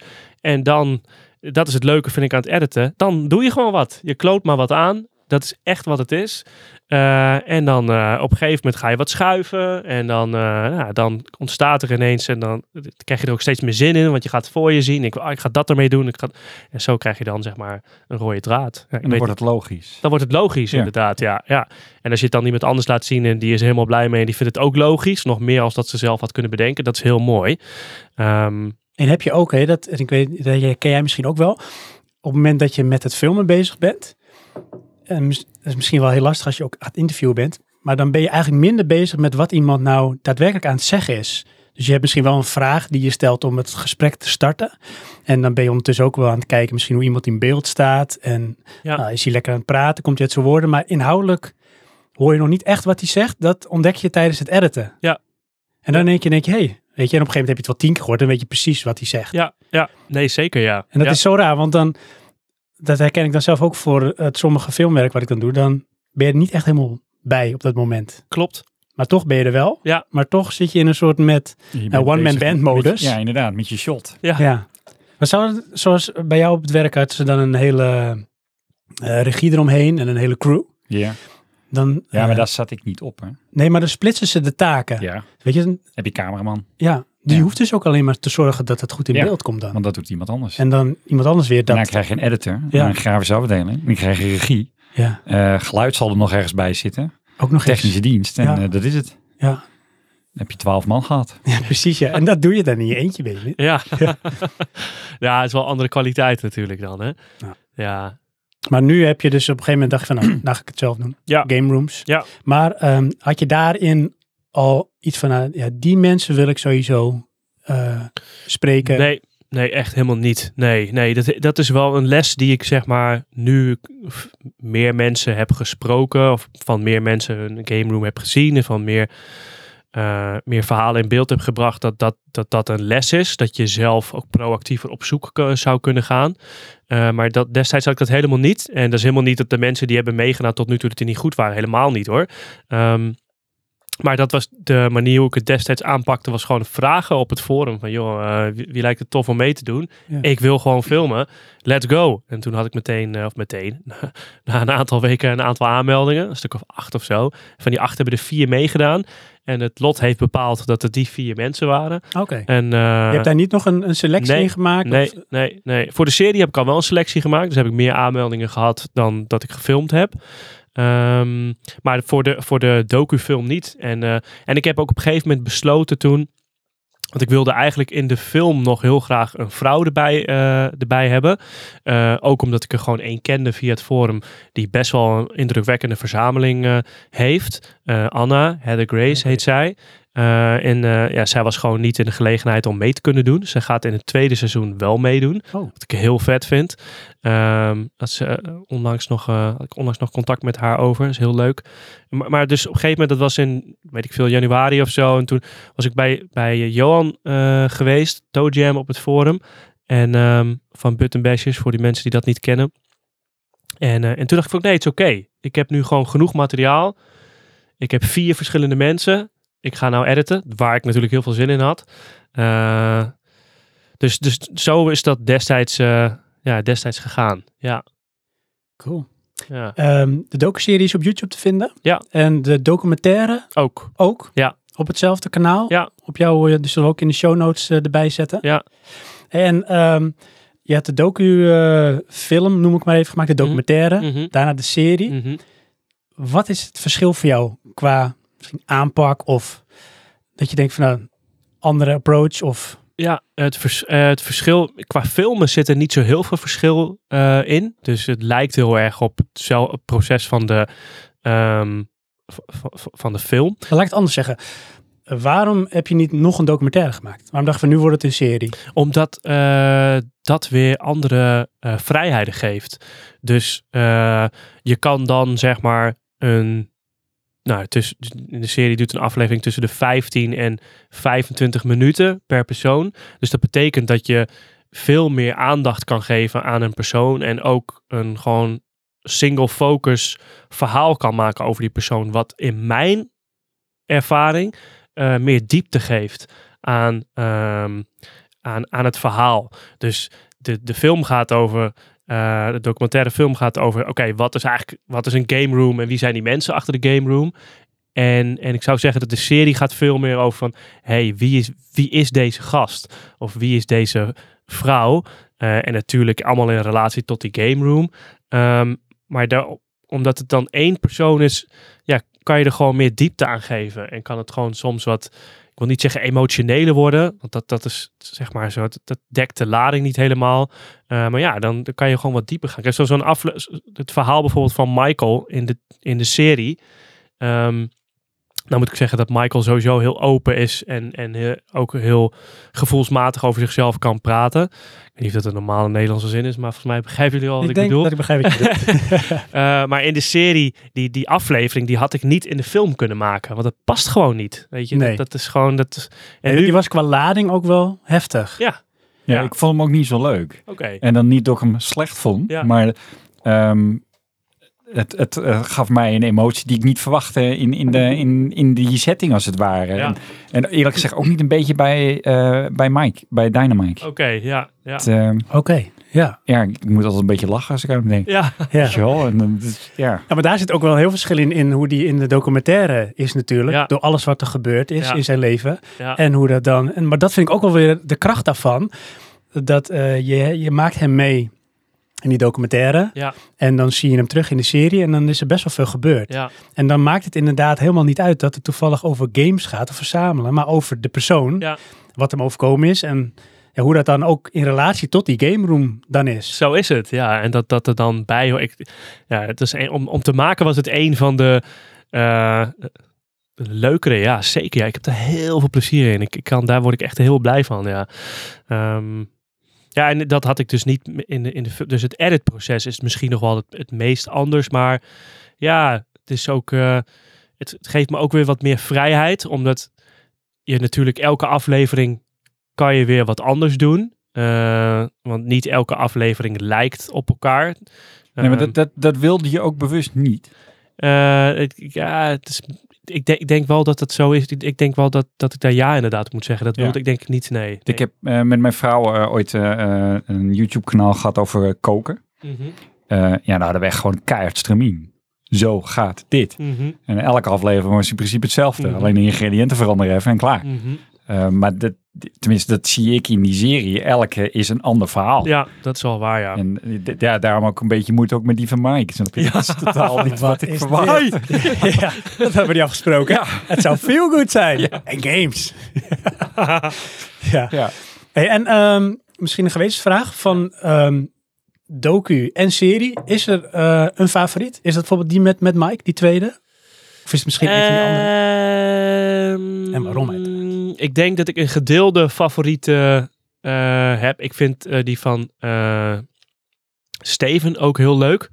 Dat is mijn favoriet. Oké, ja. Dat is ook straks wel vertellen. Ja, ja die, die vond ik al echt heel leuk om te filmen. Ehm, gewoon omdat ik al, al jarenlang zijn stem kende en wist hoe, hoe mooi hij kon vertellen. En dat dat echt alle verwachtingen overtrof in mijn... eh, ik zit wel heel erg die, die aflevering op te hypen. Dat hoeft helemaal niet. Zeggen nu... Maar in mijn beleving, laten in, in, in, in mijn eh, kleine documentaire leventje. Ehm, dus, dus, dus het was gewoon een heel, hele bijzondere ontmoeting.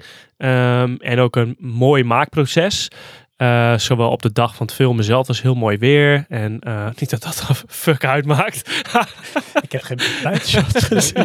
maar- ging je met een lekker gevoel... Ja. Met een lekker gevoel ging je naar binnen. nee, maar om het allemaal van hem te horen. En het is een... Wat, ja, kun je een klein beetje, zeg maar, wat context Ja, over, over hem en over zijn, af, af- over zijn aflevering? Nou goed, ik weet nog goed dat ik hem vroeg. Ik vroeg hem eh, afgelopen zomer toen ik op vakantie was in Spanje.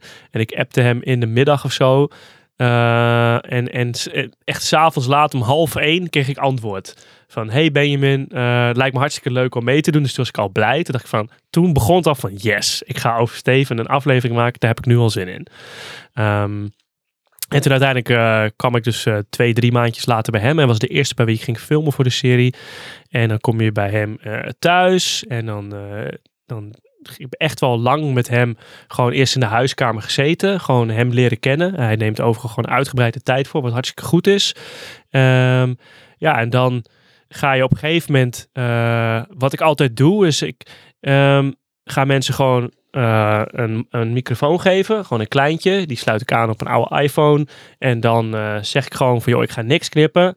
Je moet gewoon lekker vertellen wat je wil vertellen. Af en toe stel ik een vraag. That's it. We doen ook geen pauze. Je mag wel pauze houden natuurlijk daar niet van. We gaan gewoon in één stuk door.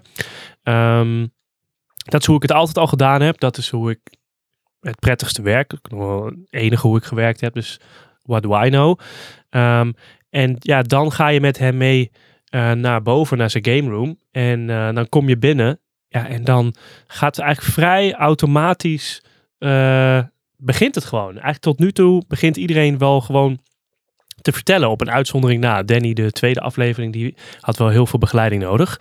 Ehm, en ja, het is gewoon hoe hij vertelt eh, over ja, zijn game room, zijn, zijn, zijn, zijn ja, de anekdotes, hoe hij die inkleurt. Dat is natuurlijk, hij kan gewoon heel mooi, mooi vertellen. En Ja. dat weet je natuurlijk al.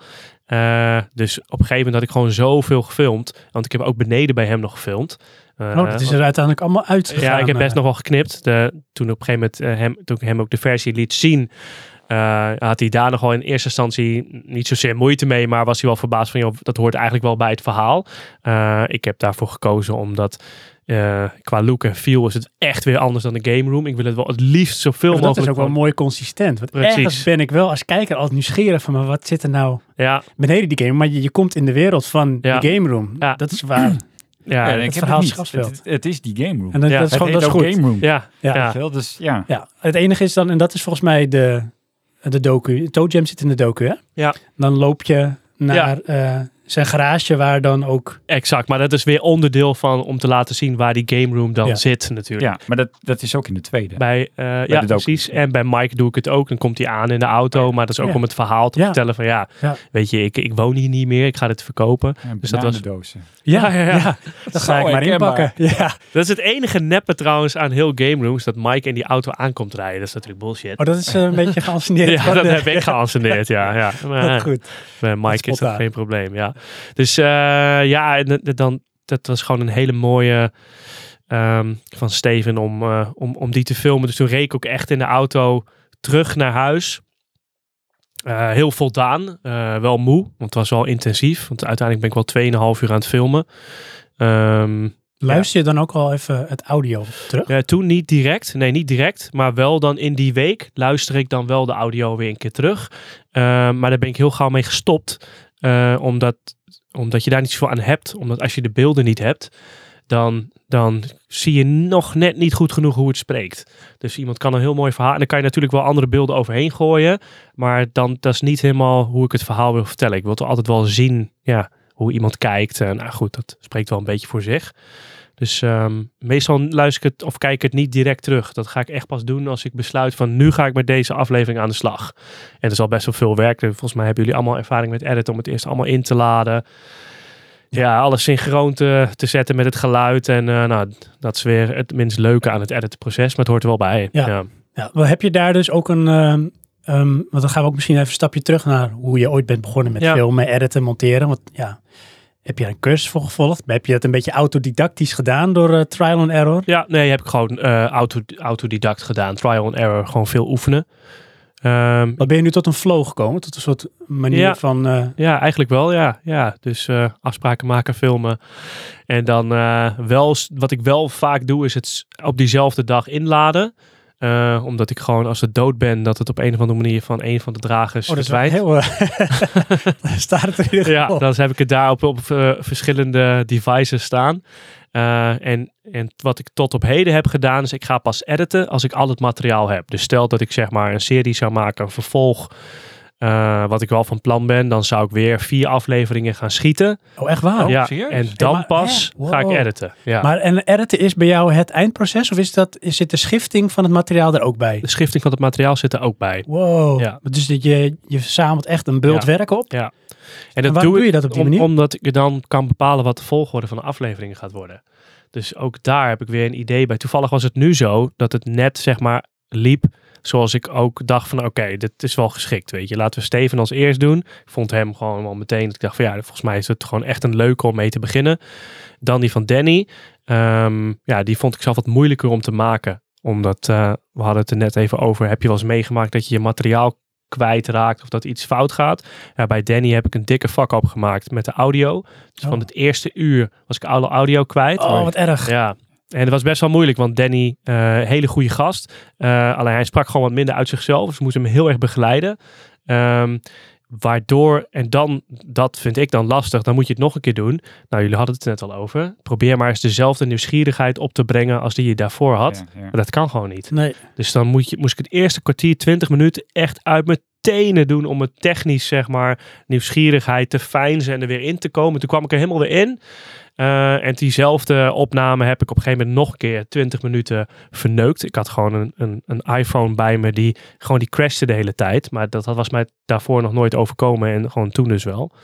Dus die, ja, die vond ik gewoon heel moeilijk. En ik, en ik moet zeggen dat die uiteindelijk in het editproces heb ik daar nog wel heel veel motivatie gevonden om, ehm, ja, die op een creatieve manier mooi in beeld te kunnen brengen. je, ziet daar eh, niks van terug dat het een, eh, Nee. een moedje is geweest of dat het lastiger was. Nee, nee. Maar ja, alleen dat hij niet zo lang duurt. Dus hij duurt 12, 13 minuten. Maar ik denk dat het anders niet veel anders was geweest. Omdat, ehm, ja, omdat hij gewoon minder over te vertellen had. Wat ook prima is. Ehm, maar ja die, eh, ja, die was wel even pittig. Ja, ik weet niet meer wat de vraag was. Ik zit er, oh, het ging over het proces. Oh ja. En, en dat waren wij natuurlijk Alles allebei. keer, ja, ja.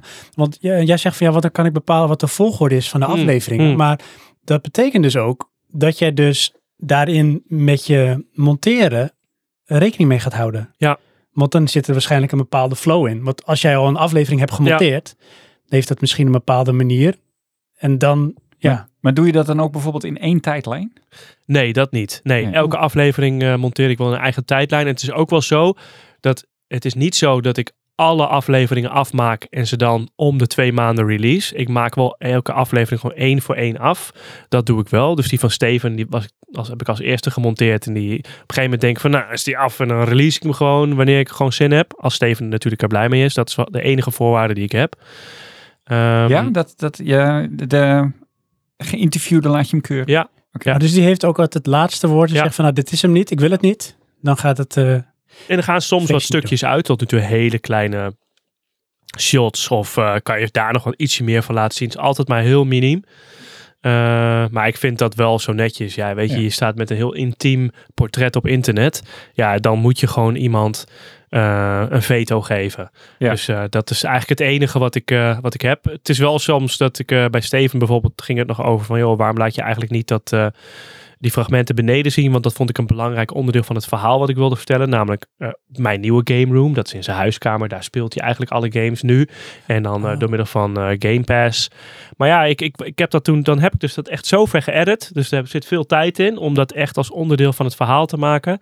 Maar dan kijken naar en denk ik, ja, als ik het weghaal, vind ik het verhaal mooier. Dan haal ik het weg. ja, want, ja. Ja. want ik Ja, zat juist bij ja. hem. Ja, ja. Nou, dat is dan een beetje de, de overweging. Want dan, kijk, wat je zegt, je gaat iemand op het internet zetten. Dus je wil zijn, eh, laten we zeggen, toestemming. Ja. Maar ja, ik denk dat tegelijkertijd wil ik niet dat iemand met mijn verhaal zich gaat bemoeien. Ja. Eh, als filmmaker Ja. dan, als Ja. het ware. Ja. Ja. Eh, dus ja, dat is een soort... Maar dat is eh, natuurlijk ook een soort dun eh, lijntje waar je overheen balanceert. Want de creatieve vrijheid, die ligt natuurlijk bij jou. Mhm. Hij gaat zich niet bemoeien, denk ik, met de details van een shot of Nee. iets dergelijks. of maar de dat muziek. kan of- wel als je het gaat vragen. Dan zou- dan heb je kans dat mensen daar eh, vragen over gaan stellen of daar iets van gaan vinden. Nou ja, iedereen gaat er wat van vinden. En als dat niet in lijn is met wat jij wil, Nee. ja, dan kan precies. het lastig worden. Want het is meestal, denk ik, dat mensen vooral tevreden moeten zijn met het verhaal. Eigenlijk wel, ja. Hoe ze ja en tot- het- dat is wel ehm, een risico. Alleen de praktijk leert dat mensen eigenlijk nooit echt nee, die gaan eh, niet op een streep staan. Nee, nou, nou misschien dat, eh, dat, dat, dat is nog weer het uiterste. Maar ze hebben ook niet veel toe te voegen. Ze, ze- ze- wat ja, eh, ik, kan wel, ik kan gewoon zeggen zoals het is. Meestal zijn mensen, vinden mensen gewoon hartstikke mooi. Hoe ik het, in- Mike vond hem ook wel pittig om te zien trouwens. Dat is wel, die zat wel van, hmm, die moest hem wel drie keer zien, zeg maar. Drie, vier keer om te kunnen waarderen wat ik in beeld had gebracht. En waar zat het hem in, hè? Is het de lading Ja. van het verhaal? Of Ik denk het wel, ja. Ja, hij vond het gewoon... eh, eh, Confronterend. Ja, ik, weet, ik weet niet of ik meer precies kan recallen wat hij precies gezegd heeft. Maar ik weet wel dat, dat het even duurde voor om, om er zeg maar eh, echt... eh, ja, je moet maar vragen als die... eh, volgens mij, zij komen binnenkort ook een keer langs. Nou, vraag het er maar als je wil. Je moet helemaal niks. Ehm, maar ja, dus... Nu moet het. nee, Benjamin zegt. Dus gebeurd. nee, maar dat, en dat, dat snap ik ook wel. Eh, want ja, ik, maar anderzijds is het ook weer zo. Mike die had gezegd van, joh, kom maar langs. Eh, Ik ga verhuizen. Misschien leuk om in beeld te brengen. Ja, dan, dan breng ik ook het verhaal in beeld. Wat Ja. de reden is van de verhuizing. Ja, en ook tuurlijk. de diepte die daar ehm, mee te maken heeft. Dus ehm, ja, eh, bij, bij Mike en bij eh, Steve had ik de nieuwsgierigheid van... eh, er is bij hun een soort kentering ontstaan.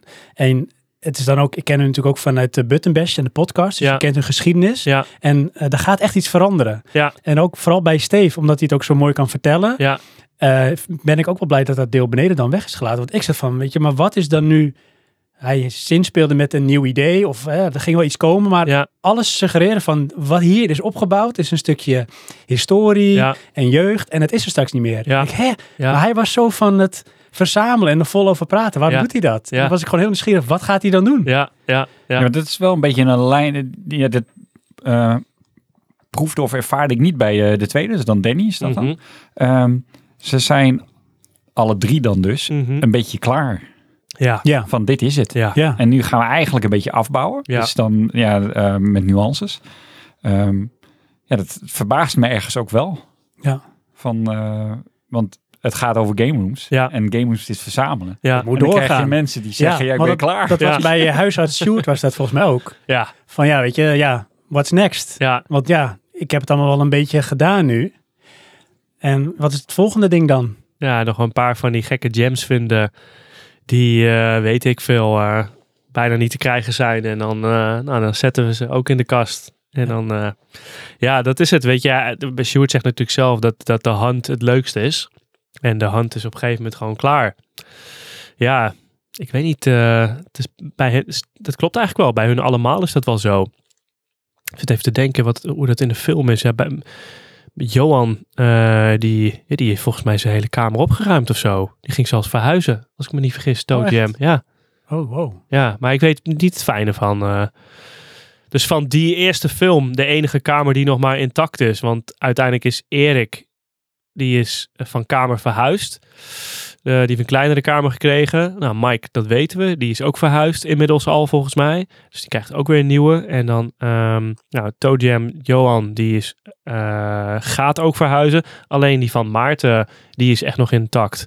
Die heeft dan een muziekstudio met eh, daar in die muziekstudio studio in die kelder echt, echt een game room. Ook een hele vette kamer. Met hele vette Dat games. is de Synergy. Klopt, ja. En die zag ik ook staan in de, de credits voor de audio. Oh ja, ja. Hoe is dat gelopen? Ja, dat is wel echt shout-out naar hem. Ehm, ik eh, had de eerste van, eh, van Steve gelanceerd. En eh, toen kreeg ik best wel wat feedback op, op de audio. Ehm, dat hij op sommige punten best oké was. En dat ook gewoon op sommige momenten ehm, de hoofdpersoon slecht verstaanbaar, in dit geval Steve, slecht verstaanbaar was. Dus dan was, kwam er een fragment van een Nintendo-reclame doorheen en nog muziek en nog geluidseffecten en dan nog Steve die zijn voice-over geeft over een bepaald, bepaalde periode in zijn leven. En ehm, ja, toen... eh, ik vind het altijd prima om te horen. Geluid is ook echt wel wat dat betreft vooral de balans vinden in geluid en goed kunnen luisteren ook hoe een, iemand anders die het niet kent het zou kunnen horen. Eh, daar heb ik gewoon geen verstand van. Ik kan ook, ook geen goed oor, denk ik. Ehm, ja, en toen zei eh eh Synergy Maarten gewoon van, joh, hit me up als je, daar, als je me nodig hebt. En eh, ja, ik ken hem dus nog van de eerste documentaire. En voor de mensen die het niet weten, maar eh, Maarten is Maarten Hoogstraten. En hij is één eh, van de bingo players. Voorheen was dat een duo. Alleen eh, Paul is een aantal jaren geleden al eh, overleden. En dus eigenlijk alleen doorgegaan. En bingo players is best wel een beroemde dance act wereldwijd. Hij maakt muziek. Ehm, hij treedt op over de hele wereld. en hij produceert ook voor anderen. Dus die gast weet fucking veel van geluid. En hij zei gewoon van, joh, ik zou je graag willen helpen. Stuur gewoon alle audio maar op. En dat betekent dat ik er gewoon na elke aflevering, dus vanaf aflevering 2, 3 en 4, stuur ik eh, alle audiosporen naar hem op. En dan eh, gaat hij er eh, één audiospoor van maken.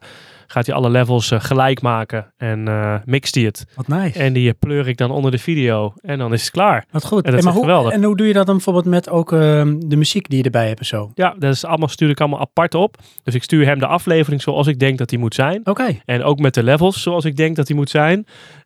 En dan alle sporen apart. Eh, en de video dus apart. Hij kijkt die video, weet hij ongeveer wat mijn idee erachter is. En dan gaat hij zelf mixen. En dan eh, vaak, eh, nou diezelfde avond nog, ik ga altijd vet snel. ja, stuurt hij, stuurt hij het weer terug op. En Wat dan flikker ik het eronder. En dan heb ik goede audio. Ja, Ja. ja. heel leuk. En hij, dat vind ik wel tof. Hij doet het ook gewoon omdat hij het zelf een leuke serie vindt. Dus dat is mooi. Ja, dat is ook een mooie synergie. Ja, zo maar te zo is zeggen. het. Tadaam!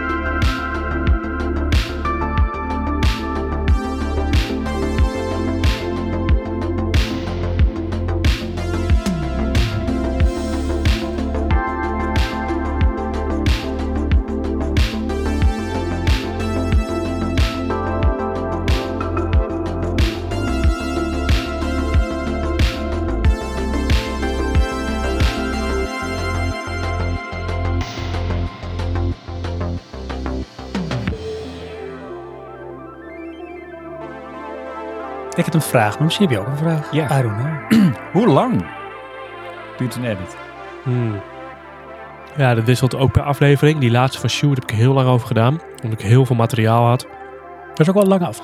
Ja, 25 minuten. Eh, moest ook een beetje de season finaal zijn, omdat die gast gewoon zo'n zieke collectie heeft. En ook gewoon heel veel verhalen. Dus ik denk dat ik daar eh, wel lang over gedaan heb. Ik vond die ook wel, dat vond ik ook de moeilijkste om te editen. Om daar echt zeg maar gewoon één verhaal van te maken. Omdat hij allemaal losse verhalen vertelt over ja, alles wat hij in zijn collectie heeft. Ehm, eh, daar heb Jezus, ik zou het niet weten, Johan. Ik denk, ja, weet je, ik denk echt wel eh, tussen de 20 en 40 uur, Oké, ja. zoiets. En in, in wat voor periodiek is dat?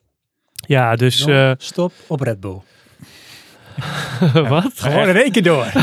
Ergens tussendoor moeten we ook nog werken. Nou ja, het is wel, het, het begint een beetje zeg maar, je begint altijd slow. Dus eerst begin je met gewoon, eh, ja, moet je die interviews terugluisteren en kijken, of terugkijken. Dat is niet het leukste om te doen. Ehm, nou, en dan op een gegeven moment ga je dan, eh, nou, denk je die segmenten wel. Dus doe je alle harde cuts. Ik denk dat je daar ongeveer, nou, tussen de vier, laat ik zeggen, als ik twee uur beeldmateriaal heb, ben ik daar ongeveer vier, zes uur mee bezig. Dan heb ik dat gedaan.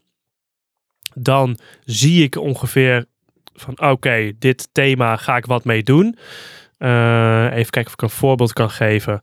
Ehm, die van Steven, nou wist ik al vrij gauw waar ik mee zou beginnen. Omdat hij begint meteen met een vette anekdote over Double Dragon op de kermis. Ga ik daarmee beginnen. We weten nog niet hoe ik de rest van de aflevering ga doen, hè? maar daar ga ik gewoon mee beginnen. En dan ga ik eerst gewoon kleine cuts maken van oké, hoe, hoe ga ik het verhaal vertellen? Eh, zodat het logisch klinkt. Nou, daar heb ik dan een, daar een ruwe versie van, van hoe gewoon het verhaal klinkt. Van wat moet er allemaal in. Dan ga ik nadenken over, oké, wat voor beelden passen daarbij? Ehm, en bij Steven ontdacht ik van, ah, maar eigenlijk moet ik gewoon in beeld brengen van hoe die kermis eruit ziet. Dus eh, eh, dan ga ik op YouTube kijken van wat zijn oude jaren 80 kermisbeelden in Nederland. Die vind ik dan.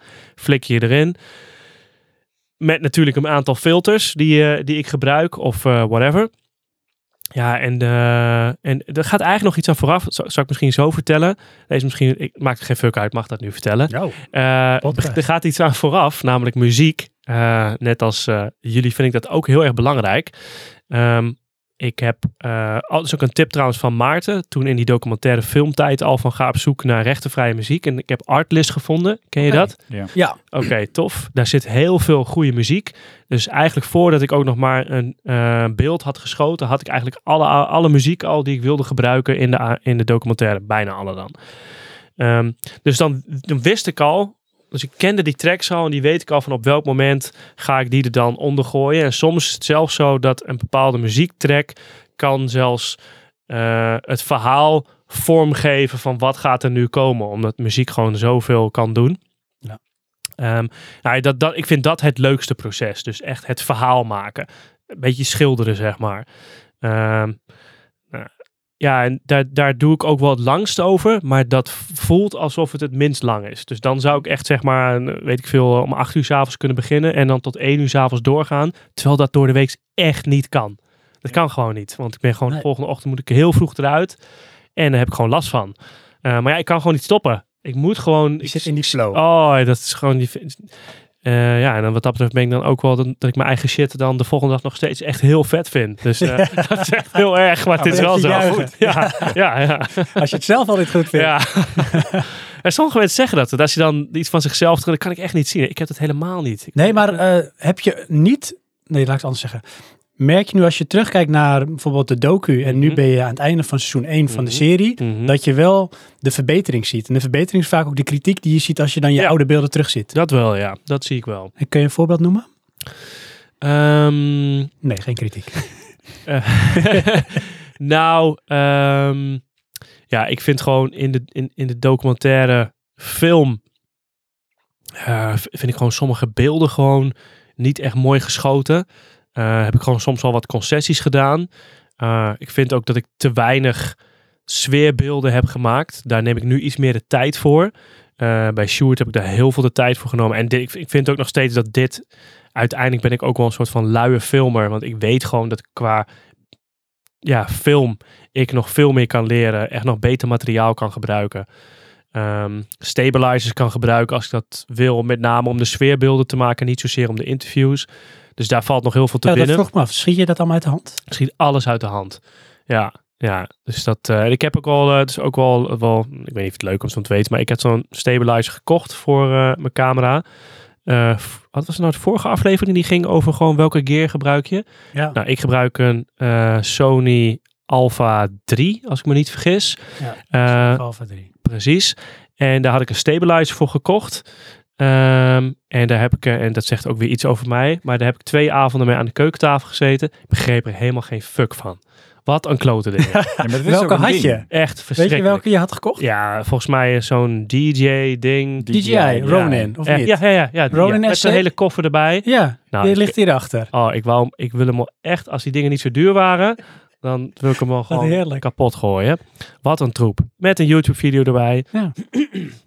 Om hem zeg maar eerst te kunnen kalibreren. Ja. Ja, dat is me gewoon niet gelukt. Elke keer die dingen. En ik heb ook in, in eh, ook mobiel heb ik ook wel eens zo een gehad van, van DJI. Volgens mij, volgens mij wel. Ja, inderdaad, ja.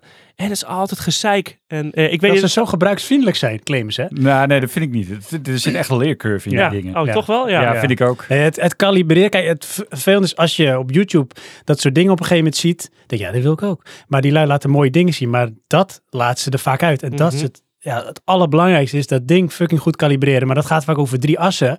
En één as draaien is weer invloed op twee andere. En zo Ja. ben je constant op alles aan het schuiven. Ja. En als je niet eens weet wat wat doet, dat is helemaal niet leuk. Ja, Jij maar- verwacht, het ding zet ik erin, ik druk op een knop, stabiel. Ja. Toch? En daarnaast vind ik ook wel een ding van eh, hem dan gebruiken. Want je krijgt een taak erbij. Ja. Want je hebt je filmcamera. Ja, daar moet je ook al nog mee leren omgaan. Nou, dat is echt een hele goeie. Want eh, het idee was in eerste instantie dus om eh, met een stabilizer te filmen. Op een gegeven moment wist ik gewoon van ik ga dit, ik heb hier geen zin in. Dat, dat zegt ook iets over eh, het geduld wat ik heb of ook de motivatie om gewoon shit goed te begrijpen. Ik denk nou op een gegeven moment ga ik gewoon lekker uit de hand filmen. Ik, ga, ik, ik moet de nadruk leggen op dat ik mezelf prettig voel. Dat ik niet in mijn hoofd ga zitten van hoe gaat dit wel goed. Dat ik mijn focus kan houden op de persoon met wie ik in de ruimte ben. Uh, dat vind ik belangrijk. En achteraf is dat een hele goede keuze geweest. En nog denk ik wel eens van, hm, ik zou eigenlijk wel mooiere beelden willen hebben van, nou bijvoorbeeld die kamer binnenkomen. Dat je toch zeg maar zo glide door die kamer. Ik wil wel eens weten wat dat doet. Um, anderzijds denk ik ook wel een kracht van de docu is ook wel dat je heel dichtbij zit. Dat je dat, dat juist alles uit de hand filmt. Dat, het ziet er prima genoeg uit om er naar Ja, te kunnen kijken. Niet storend. Nee. Precies. Nergens uh, het um, ja, puntje van. Hè? Uh, ik heb ze achter voor gekeken, 4, 3, 2, 1. Oké. Okay. En dan zag ik dus uh, bij de uh, nummer 1 dan, uh, wat je zei, het audio. Ja. Ik kon het me niet herinneren totdat jij het zei. Dus okay. zo erg is het ook weer niet. Ja. Um, en um, daar zit een focus dingetje in. Ja. Kom wel een paar keer terug. Ja, ja. zeker. Ja. Maar in die andere is me dat niet opgevallen. Hm. En het zal er misschien in zitten, maar goed, dat, uh, dat, dat keek allemaal lekker. Ja. Niet storend. Uh, ah, nice. Kijk, je moet ik dan wel zeggen, uh, het is een interview. Ja. Je, dus ja, ja, dan ga je focussen, hoort erbij. Dat, ja. dat hoort ook ja. bij de sfeer. Uh, het, als het je niet uit het verhaal haalt, nee, wat het inderdaad. dus niet doet, ja. dan maakt het helemaal dan niks is het goed genoeg. Ja, dan had het bijna met die Pipo de Clown camera kunnen gaan, wat je zei. Dat is een inside joke. Ja, ja, ja inderdaad. Ja. Ze zeggen dat toch ook, dat het allemaal geen zak uitmaakt met welke camera je filmt als nee. je gewoon maar lekker aan de slag gaat. Ja. Ja. Um, we hebben ook in onze aflevering over uh, film en fotograferen van ja, weet je, een hele goede camera maakt nog geen goede fotograaf Zo of uh, filmmaker. Ja. ja. Het kan sommige dingen wel toegankelijker maken of meer opties geven. Ja. Maar ja, het kan nog steeds shitty zijn. Ja, zo is het. Ja.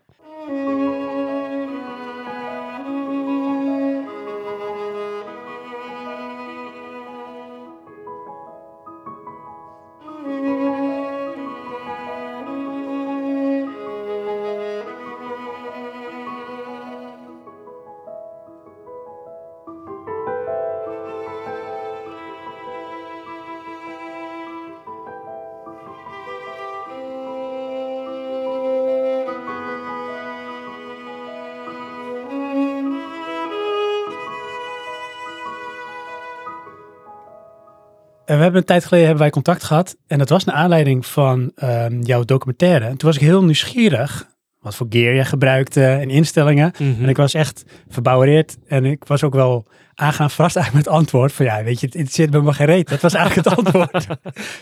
en eh, dat merkte ik ook eh, terug eh, in jouw reactie op onze vorige aflevering.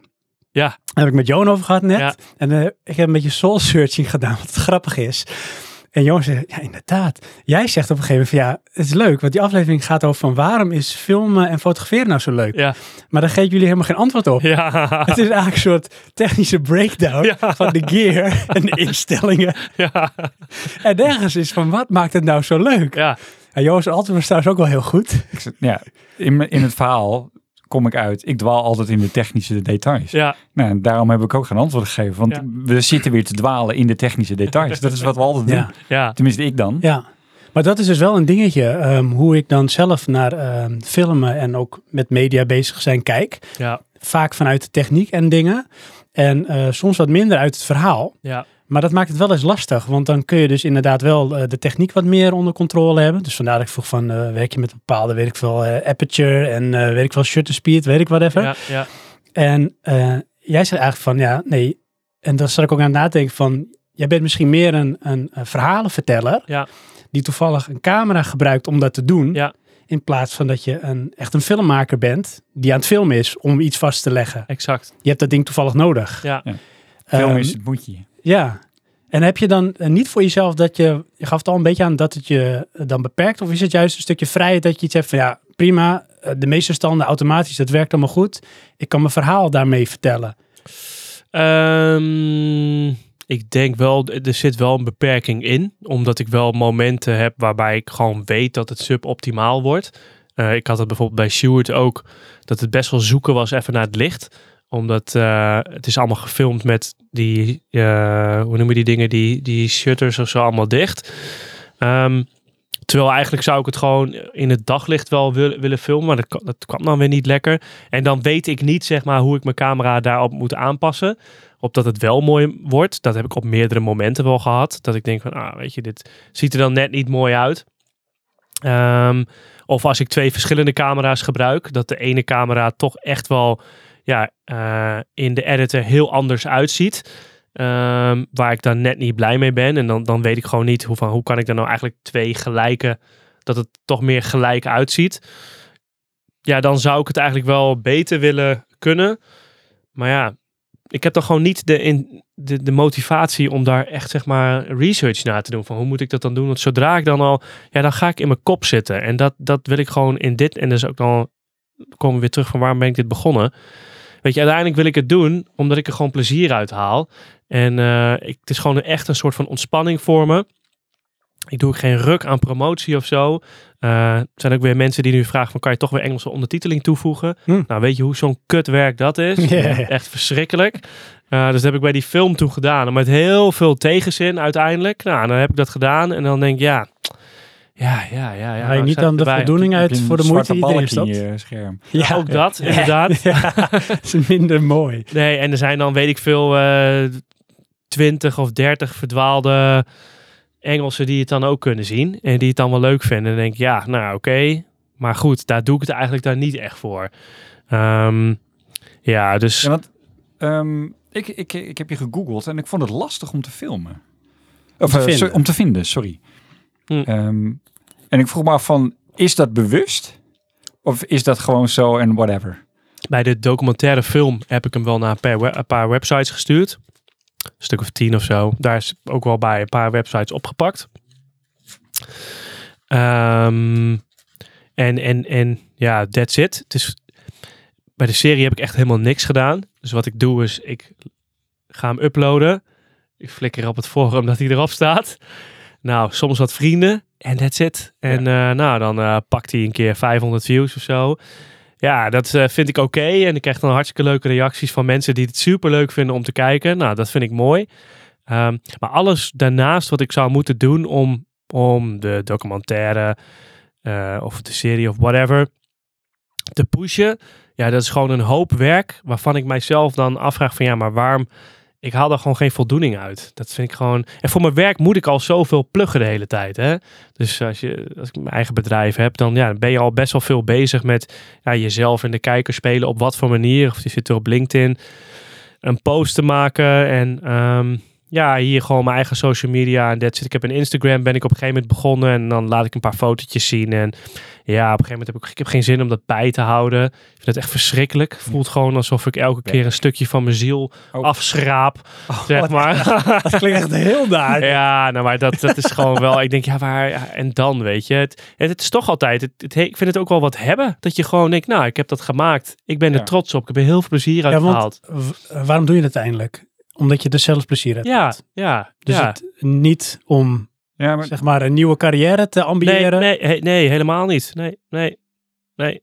Nee, dat vind ik ook iets moois. Gewoon, dat, dat is wat het is. En wat ik zeg, bij die, bij die film heb ik toen nog wel... mijn- Heb ik nog wel een, oh ja, het is nog wel, ik heb nog naar uh, Tweedok gestuurd van NPO. Kennen jullie dat toevallig? Ja. Zo'n platform waar jonge of in ieder geval nieuwe documentairemakers... ehm, een documentaire kunnen insturen. En dan eh, krijg je een beoordeling. En soms zenden ze hem uit, ja of nee. Op hoop van zegen. Ik was gewoon nieuwsgierig. Wat vinden ze ervan? En ze hebben hem bekeken. En ze zeiden van, nou... Vinden het hartstikke leuk om te bekijken. Je hebt hem heel origineel geëdit. Eh, we gaan hem niet uitzenden. Ehm, want wat ze graag nog zouden willen zien is, en daar hadden we het net ook al over met elkaar, is wel leuk. Van ja, maar je, je moet veel meer een verhaal vertellen van oké, maar wie zijn deze mensen behalve hun game room?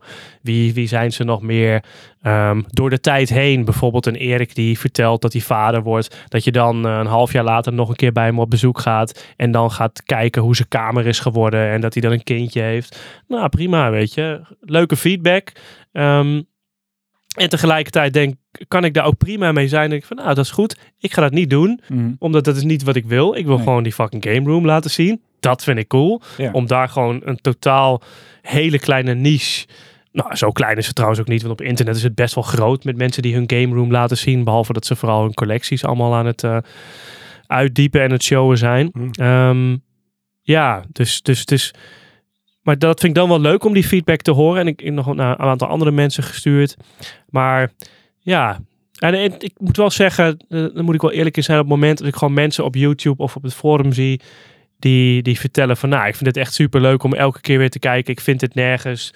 En, eh, en dan zelf nog wat relateren aan dingen die ze hebben meegemaakt. Ja, dat geeft ook wel voldoening. Ja, absoluut. Maar het ja, het is niet de hoofdreden waarom ik het maak. Nee, zeker niet. Oké. Ehm, ik was eh, digitaal erbij bij de première van het documentaire. Mhm. En eh, dan had je ook nog een, zeg maar, eh, de aftertalk. Dan hadden we het gezien. En, Ja. ontstonden er wat gesprekken. En volgens mij pikte ik op. Iemand stelde de vraag van, ehm, als je nou iets hierna zou willen doen. Ja. Wat zou dat dan zijn? En dan maakt niet uit, weet je, er zijn geen boundaries. En volgens mij had jij daar toen een antwoord op gegeven. Ja. En is dat nog steeds zo? Of is dat, dat nu verschoven? Of is dat, dat is nog iets wat eh, Ja, gewoon in... eh, Ik weet nog welk antwoord ik heb gegeven, want dat leeft nog steeds al bij me. Wat ik destijds zei was, ik zou eigenlijk wel in beeld willen brengen hoe het leven is eh, op een AZC. eh, op een eh vluchtelingscentrum, eh asielzoekerscentrum. Ik weet niet precies meer hoe je het eigenlijk noemt. mhm. Ik rij zelf eh, regelmatig naar mijn ouders. Die wonen in Hardenberg nog steeds. En dan rij je langs een, eh, een AZC. En eh, ik denk eigenlijk dat mensen, inclusief ikzelf, echt geen idee hebben hoe, hoe, hoe het daar is. Ehm, en dat zou ik wel eens in beeld willen brengen. Een langere periode door bijvoorbeeld één, twee, drie mensen een jaar, zeg maar, te filmen. En daar dan echt een portret van te maken. Ehm, alleen ik heb daar ook wel weerstand voor. Ehm, om heel eerlijk te zijn. Omdat ik ook wel eh, toch wel bang ben met wat ik daar zal aantreffen. En wat dat met mij gaat doen. Dus dat is de reden waarom ik het eigenlijk nog niet heb gedaan. Eh, omdat ik kan, ik kan niet zeg maar me daarmee ver- niet verbinden. Mhm. Dus ik weet zeker dat als ik daar ben, dat het effect op me gaat hebben. Zeker en als ook- je een langere periode mensen gaat volgen. Precies, ja. Dus dat, ik weet nog niet of ik dat, en het, het klinkt echt super wack, maar of ik dat nu in deze fase van mijn leven, waarbij ik al best wel veel gaande heb. Ik heb een bedrijf te runnen, ja, een, familie waarmee ik tijd wil doorbrengen. En dan, wat het dan de hobby wordt, wordt ook, er komt ook een bepaalde zwaarte bij. Waarvan ik gewoon nu nog niet weet of ik dat in mijn leven wel wil toelaten. Dus, ehm, en ik had dan eigenlijk het helemaal niet het idee na die première van, oh, ik ga hier een vervolg op maken. Helemaal niet. Maar op een gegeven moment, een aantal maanden later, ja, stond ik er nog, da dacht ik er gewoon zo aan van, oh, ik miste eigenlijk wel. Ik mis ook gewoon echt het editen. Het is ook, weet je, behalve die aflevering van Mike, dan is het ook niet ehm, beladen of zo. Dus het is ook gewoon wel lekker om gewoon lekker die, die beelden te maken, om daar gewoon eh, ja, een, een, mooi verhaal van te maken. Ehm, het is een stukje feel good. Ja. En dan uh, feest van herkenning. Ja. Tenminste, in, in, veel dingen, sommige dingen natuurlijk ook niet. Het, uh, ja, en behalve dan die van Dynamite. Waarbij de camera ook letterlijk uitgeruimd is. Ja. Kijk dit nou. Ja, maar dat is echt... Ik uh, het zelf altijd... Uh, bijvoorbeeld naar... Uh, misschien heel raar vergelijken, maar dat popt hem op. vroeger had ik dan bijvoorbeeld wel een sportdag. Mm -hmm. Dat hadden bij ons dan op de linie sportvelden, voetbalvelden, sportvelden bij ons in de buurt.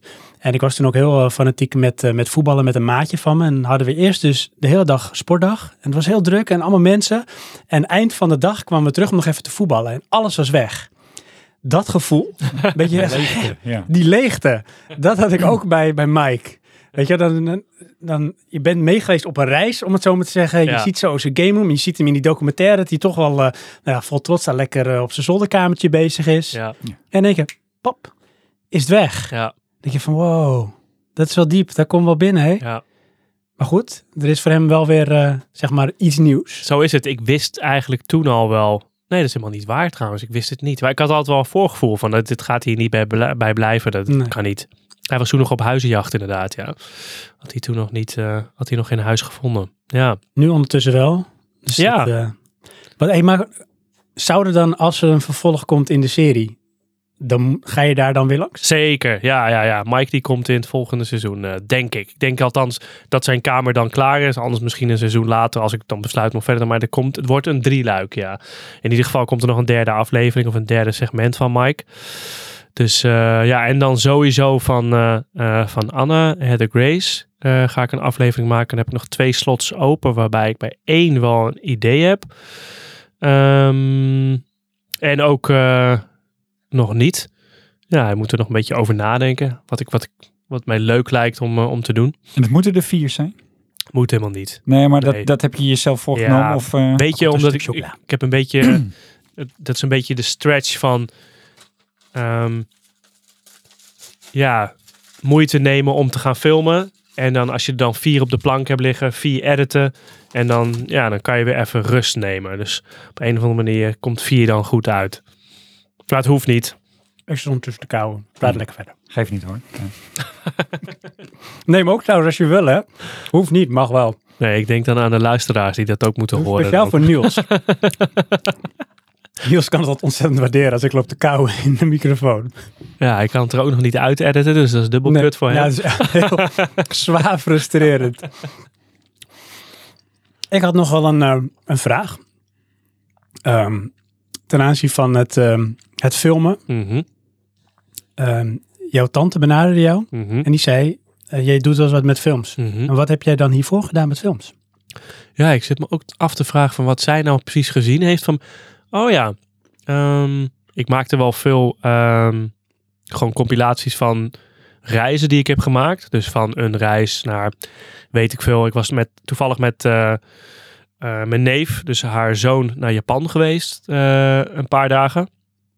Want haar zoon is piloot en ik mocht toen meevliegen. Dus toen heb ik korte trip van vijf dagen gemaakt naar Japan. En dat heb ik ge geëdit.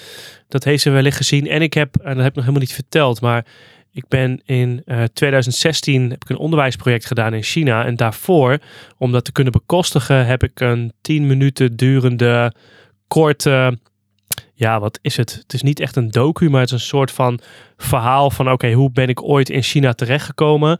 En hoe heb ik het dorpje waar we nu een onderwijsproject gaan doen, uh, hoe heb ik dat dorpje leren kennen? En waarom is het eigenlijk waardevol om hier een onderwijsproject te gaan doen? Dat heb ik toen in beeld gebracht aan de hand van beelden van mezelf, foto's en animaties. En uh, dat heb ik toen op een um, benefietavond uh, laten zien. Om alle mensen die daar dan zouden komen, meteen binnen 10 minuten er gewoon zo mee te nemen van oké, hiervoor zijn jullie. een fucking belangrijk doel, geef geld.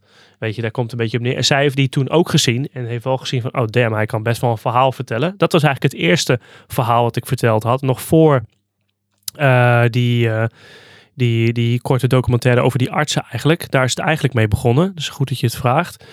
Ehm, ja, dus dat, dat had ze toen van mij gezien. En daar had ik voor het eerst gewerkt met animaties, foto's en een voice-over. Dat had ik nog nooit eerder gedaan. Dat is moeilijk om je op te nemen. stem? Mijn eigen stem. Oh, jij hebt de voice-over gedaan. Ik heb de voice-over gedaan om dat verhaal te vertellen. Ja, dat ja. is eh, wel een vak apart. Dat is echt een vak apart. Ja, ja, ja dat is wel heel, heel, eh, heel anders. En hoe heb je dat, om een beetje in de details te duiken, hoe heb je dat gedaan? Ja, je ik met had- een gewone Habby microfoon of ben je in je kledingkast gedoken voor minder reverb? Kut microfoon. echt. Ja. Je hebt die Yeti Blue dingen of zo. Ja. Wat zijn dat voor... Ik, heel vaak... ASMR microfoons zijn dat. begrijp er helemaal niks van. Want dan zie je dus op, op YouTube zie je mensen die shit promoten en die praten erin, klinkt allemaal vet goed. En doe ik het, ik klinkt gewoon kut. Hoe kan dat? Ik begrijp er helemaal niks van. En eh, dat, dat, ik, ja, dus eh, een, een mysterie. Maar is het ook weer vanwege, dan moet dat ding weer in gaan stellen, knopjes, weet ik whatever? Dat denk ik dan, ja. Ja, maar niet out of the box klinkt het niet zo mooi als hoe dit nou ook precies klinkt. Hm. Hier, dit, dit is echt een, dit is geweldig. Eigenlijk wil ik dit Vind je ook. dit nu al lekker klinken? Ja, Ja? ja. Dit is allemaal niet zo duur. Nee, Ja, dit, ik- is, eh, dit is echt, ik nee, wil dit allemaal Cheapo, hebben. maar dit is echt heel In goed te bekostigen. Ik wilde gewoon één. Dat ik gewoon thuis mijn eigen voice-overs kan inspreken. Want ik weet zeker dat daardoor... eh, dan kan ik dus voice-overs inspreken. Dus dan kan ik ook weer nadenken van... hmm, wat, wat biedt dat toch weer andere creatieve mogelijkheden? Maar ja, dat had ik dus met zo'n eh, Yeti Blue kutmicrofoon. En wat vond je er niet goed aan klinken? Klinkt niet... Klonk gewoon niet... Ja, ja wat vind je... Dat, dat hoor je gewoon. Dat het gewoon blikkerig klinkt. Dat het gewoon klinkt alsof je in de bus zit. Ehm, dat op het moment als je... ehm, op een gegeven moment had ik bijvoorbeeld een segment opgenomen. En dan kwam ik er later achter van... Ah, ik zou dat eigenlijk nog anders kunnen vertellen. En dan neem je nog, nog weer wat extra op. En dan klinkt dat weer net anders.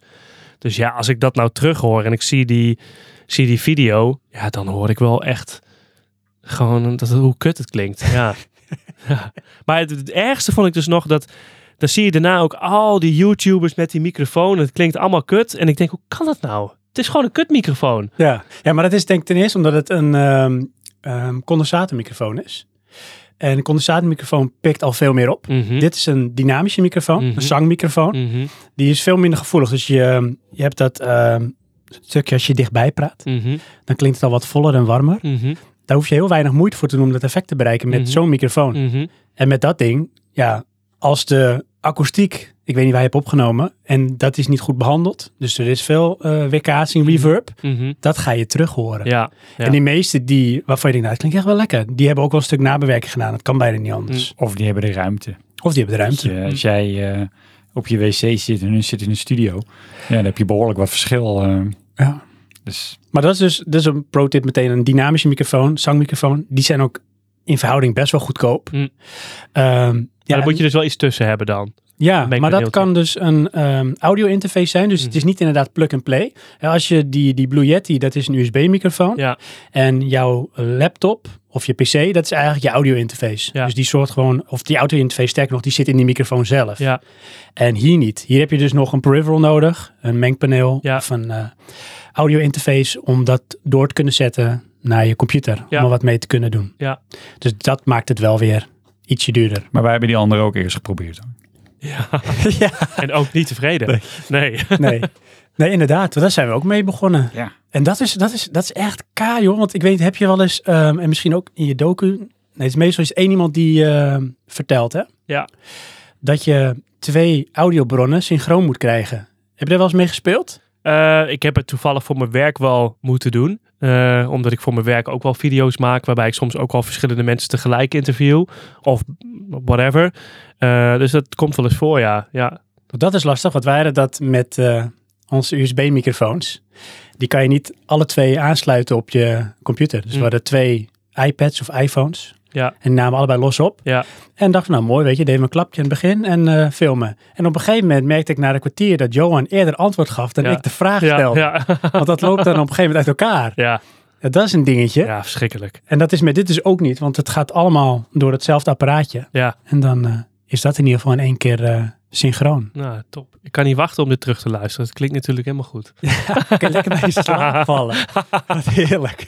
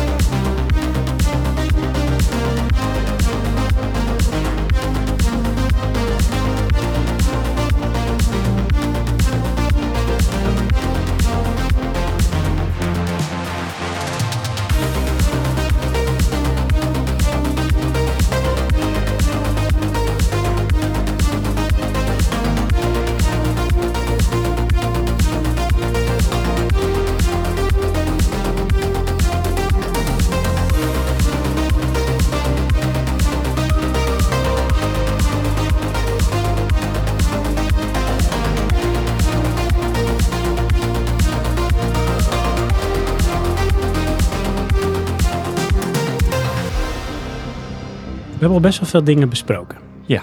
ja. Ik ben naar één ding nog wel benieuwd. Oh. Als jij nou nog een game room had, of alles heel intensief verzamelde, had je je dan ook opgegeven voor zoiets? Zou je dat doen? Zou je dat toelaten? Zo? Een stukje Ehm, intimiteit? Nee, daar ben ik geneigd nee te zeggen. Want jij was ook toch op zich best wel een... eh, nou, verzamelaar, je had best wel veel... eh, nog steeds. Ik, ik heb het ook gewoon Je hebt alles nog wat je gekocht hebt volgens mij. Eh, nee, alleen mijn Super NES heb ik niet meer. Oké. Die heb ik eh, mijn neef verkocht of zo. Weet niet meer. Maar nee, nee, ja, dat, dat hoeft voor mij dan niet. Nee? Ik vond het ook wel heel mooi ehm, in, in de, de, de documentaire. ehm, je ziet dat die mensen die vertellen een verhaal. Mhm. En ze hebben daar dan nog wel een stukje trots op. Maar ze zijn niet aan het pochen met van kijk hoe cool ik ben met dit. Mhm. Weet je, en dat hebben ze allemaal niet. Mhm. Daar gaat het niet om. Nee. Het gaat om hun verhaaltje of connectie met dat onderdeel. eh. dat, eh, ja, vond ik wel, dat, het viel me op. Ja, En niet dat ik dat per se verwacht of zo, maar ja, in ergens denk je toch met, weet je, als mensen veel spullen hebben, dan willen ze dat laten zien dat ze veel spullen hebben. ja. Maar het is eigenlijk het verhaal van ik heb die verbinding hiermee. Eh, en ja, goed, dat resulteert dan eh, in een verzameldrang schijnbaar. ja. Dat, eh, Ja. ja. Maar dat is misschien ook dan wel een mooie afsluitende vraag daarvoor. Van, ehm, een beetje tweeledig. Is een verzamelaar een, een type mens, gameverzamelaar? Of heb jij die nu, doordat je die docu en die serie hebt gemaakt, heb jij die anders of beter leren kennen? Ben je er anders naar gaan kijken? Ik denk wel dat, ik weet niet, ja, misschien lastig te zeggen, maar het is wel een type mens, een ver- verzamelaar. In zijn algemeenheid? I would say zo, ja. ja. Ja, het is wel, Sjoerd vertelt dat zelf ook wel, dat, dat ze vaak ook wel, dat het zeg maar, ze hebben een gameverzameling, maar wat ik dan bijvoorbeeld niet laat zien is dat ze naast een gameverzameling ook een platenverzameling hebben.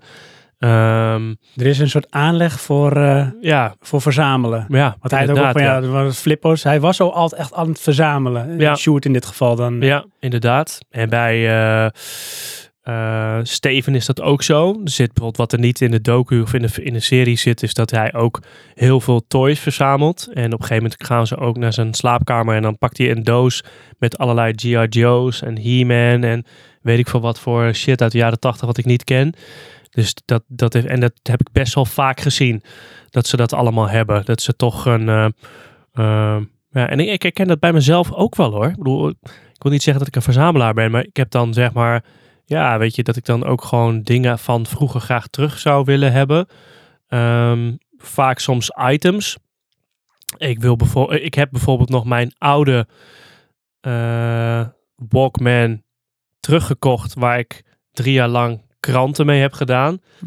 En dat is dan zeg maar zo'n Sony Walkman, waarbij je, ik weet niet meer hoe die functie ook alweer heet, maar dat je het bandje met een knopje naar de andere kant kon doen. Auto reverse. Auto reverse, ja.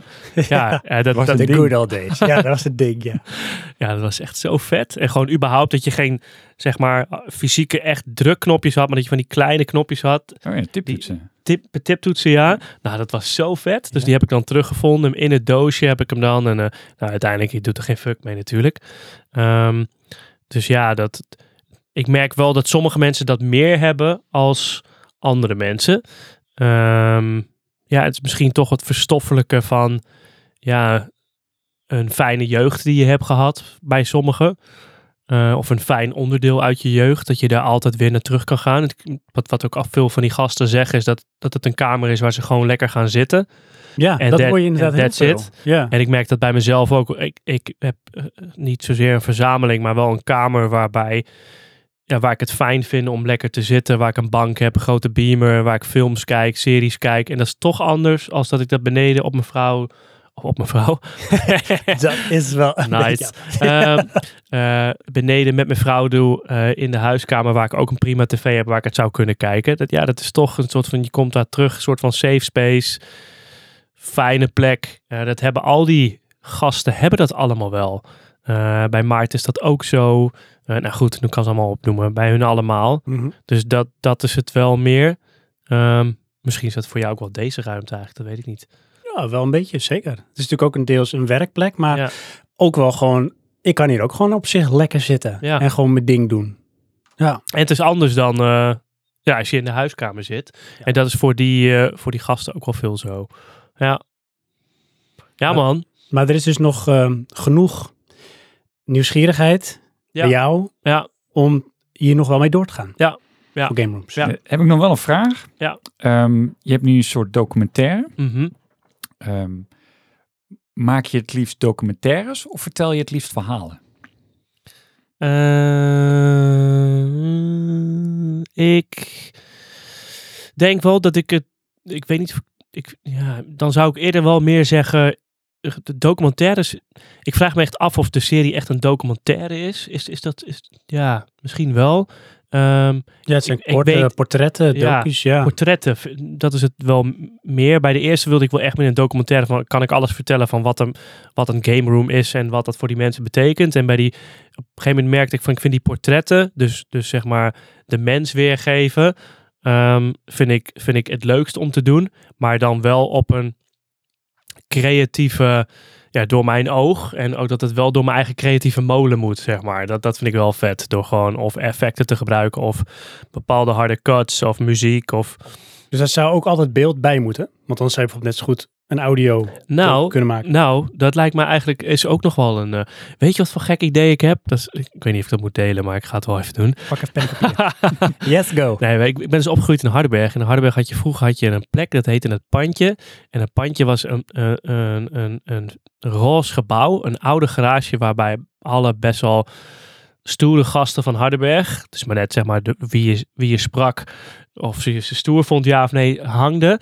En ook met elkaar dingen deden die God verboden hadden. En eigenlijk was dat heel raar. Dat werd gewoon gesubsidieerd door de gemeente. En het waren allemaal gasten van 30 plus. En soms ook wel jonger. Maar je zou kunnen denken van nou, die hebben toch niet echt een eigen plek nodig, toch? Maar dat was er allemaal, dat gebeurde daar allemaal. En soms dacht ik van hoe vet zou het zijn eh, om die periode, gewoon het pandje, om er een zesdelige podcastserie van te maken. Ja, en eh, al die gasten luisteren, uit die tijd interviewen van wat gebeurde daar eigenlijk? En waarom de fuck werd dit gesubsidieerd door de gemeente? Ja. Dat is heel raar. Dat is toch een goed verhaal. En er zijn heel veel dingen gebeurd. En eh, ja, ook wel echt, echt niet leuke dingen. Maar dan, om, om daar dan zeg maar echt research naar te doen. Maar ik denk altijd van ja, wat, wat het heel complex maakt is dat heel veel gasten gaan shit zeggen over andere gasten. Waarvan andere gasten denken van nou, dat wil ik echt niet dat het openbaar wordt. Dus dan, dan heb ik alweer zeg maar een, best wel een dikke obstruction om dat niet te doen. Maar dus, dus, dus dan, om terug te komen op jouw originele vraag, Johan. Ja, dat, dat verhaal zou, lijkt me heel leuk om te vertellen. Om de, al die audiologs te verzamelen, die interviews. En dat op een gegeven moment daar een rode draad van te maken met het ontstaan van het pandje. Met allemaal shit wat daar gebeurd is. Met op een gegeven moment dat het, dat het gesloopt moest worden. Ehm, ja, dat, dat zou ik wel echt goud vinden. Maar ja, ik denk dat het gewoon te gevoelig ligt voor veel mensen om het te kunnen doen. Maar het zou wel heel vet zijn. Ja. Ja. Er is wel een hoop in Hardenberg. Er gebeurt een hoop in Er Hardenberg. gebeurt een hoop in Hardenberg. Ja. Ja, ja. Ik, ik wist bijna niet van het bestaan ervan, maar nu ben ik echt wel super nieuwsgierig. Hard to forget now. Ja. Ja, Ja. misschien gaat het ooit nog gebeuren. Je kan met je familie lekker op de camping zitten daar. Ja, dat sowieso. Ze hebben daar een sprookjescamping. Oh, dat vindt mijn dochter geweldig. Nou, kijk. En als er nog een zwembad bij is, is het helemaal. Ze hebben hele mooie zwembaden. Ze hebben de enige... Nee, nu niet meer. Er was is een van de enige met zo'n gekke toeter, weet je. Maar die heb je nu ook op andere plekken wel. Oh ja. ja. Oh nee, trouwens, die heb je ook in Duinrel. Wat zeur ik nou? Misschien een van de enige op een ca- camping of zo. Oh ja. Nou. Het zou pas weird zijn als ze er ook een pony doorheen laten gaan. maar goed, hè? Hey, maar dat gezegd hebben, de, we gaan er een eind aan breien. Het was een mooi verhaal. We hebben echt eh, jou leren kennen en de luisteraars hopelijk ook. Ook. En eh, we zijn natuurlijk heel nieuwsgierig naar het volgende seizoen van eh, Game Rooms. Ja, thanks for series. having me. Ik ga mijn best doen. Ja, nou, ik zou zeggen bedankt. You're welcome. Jo, bedankt. Zwem En lieve luisteraars, bedankt. En tot de volgende keer. Oeh, die was echt heel synchroon. dat is niet ingestudeerd.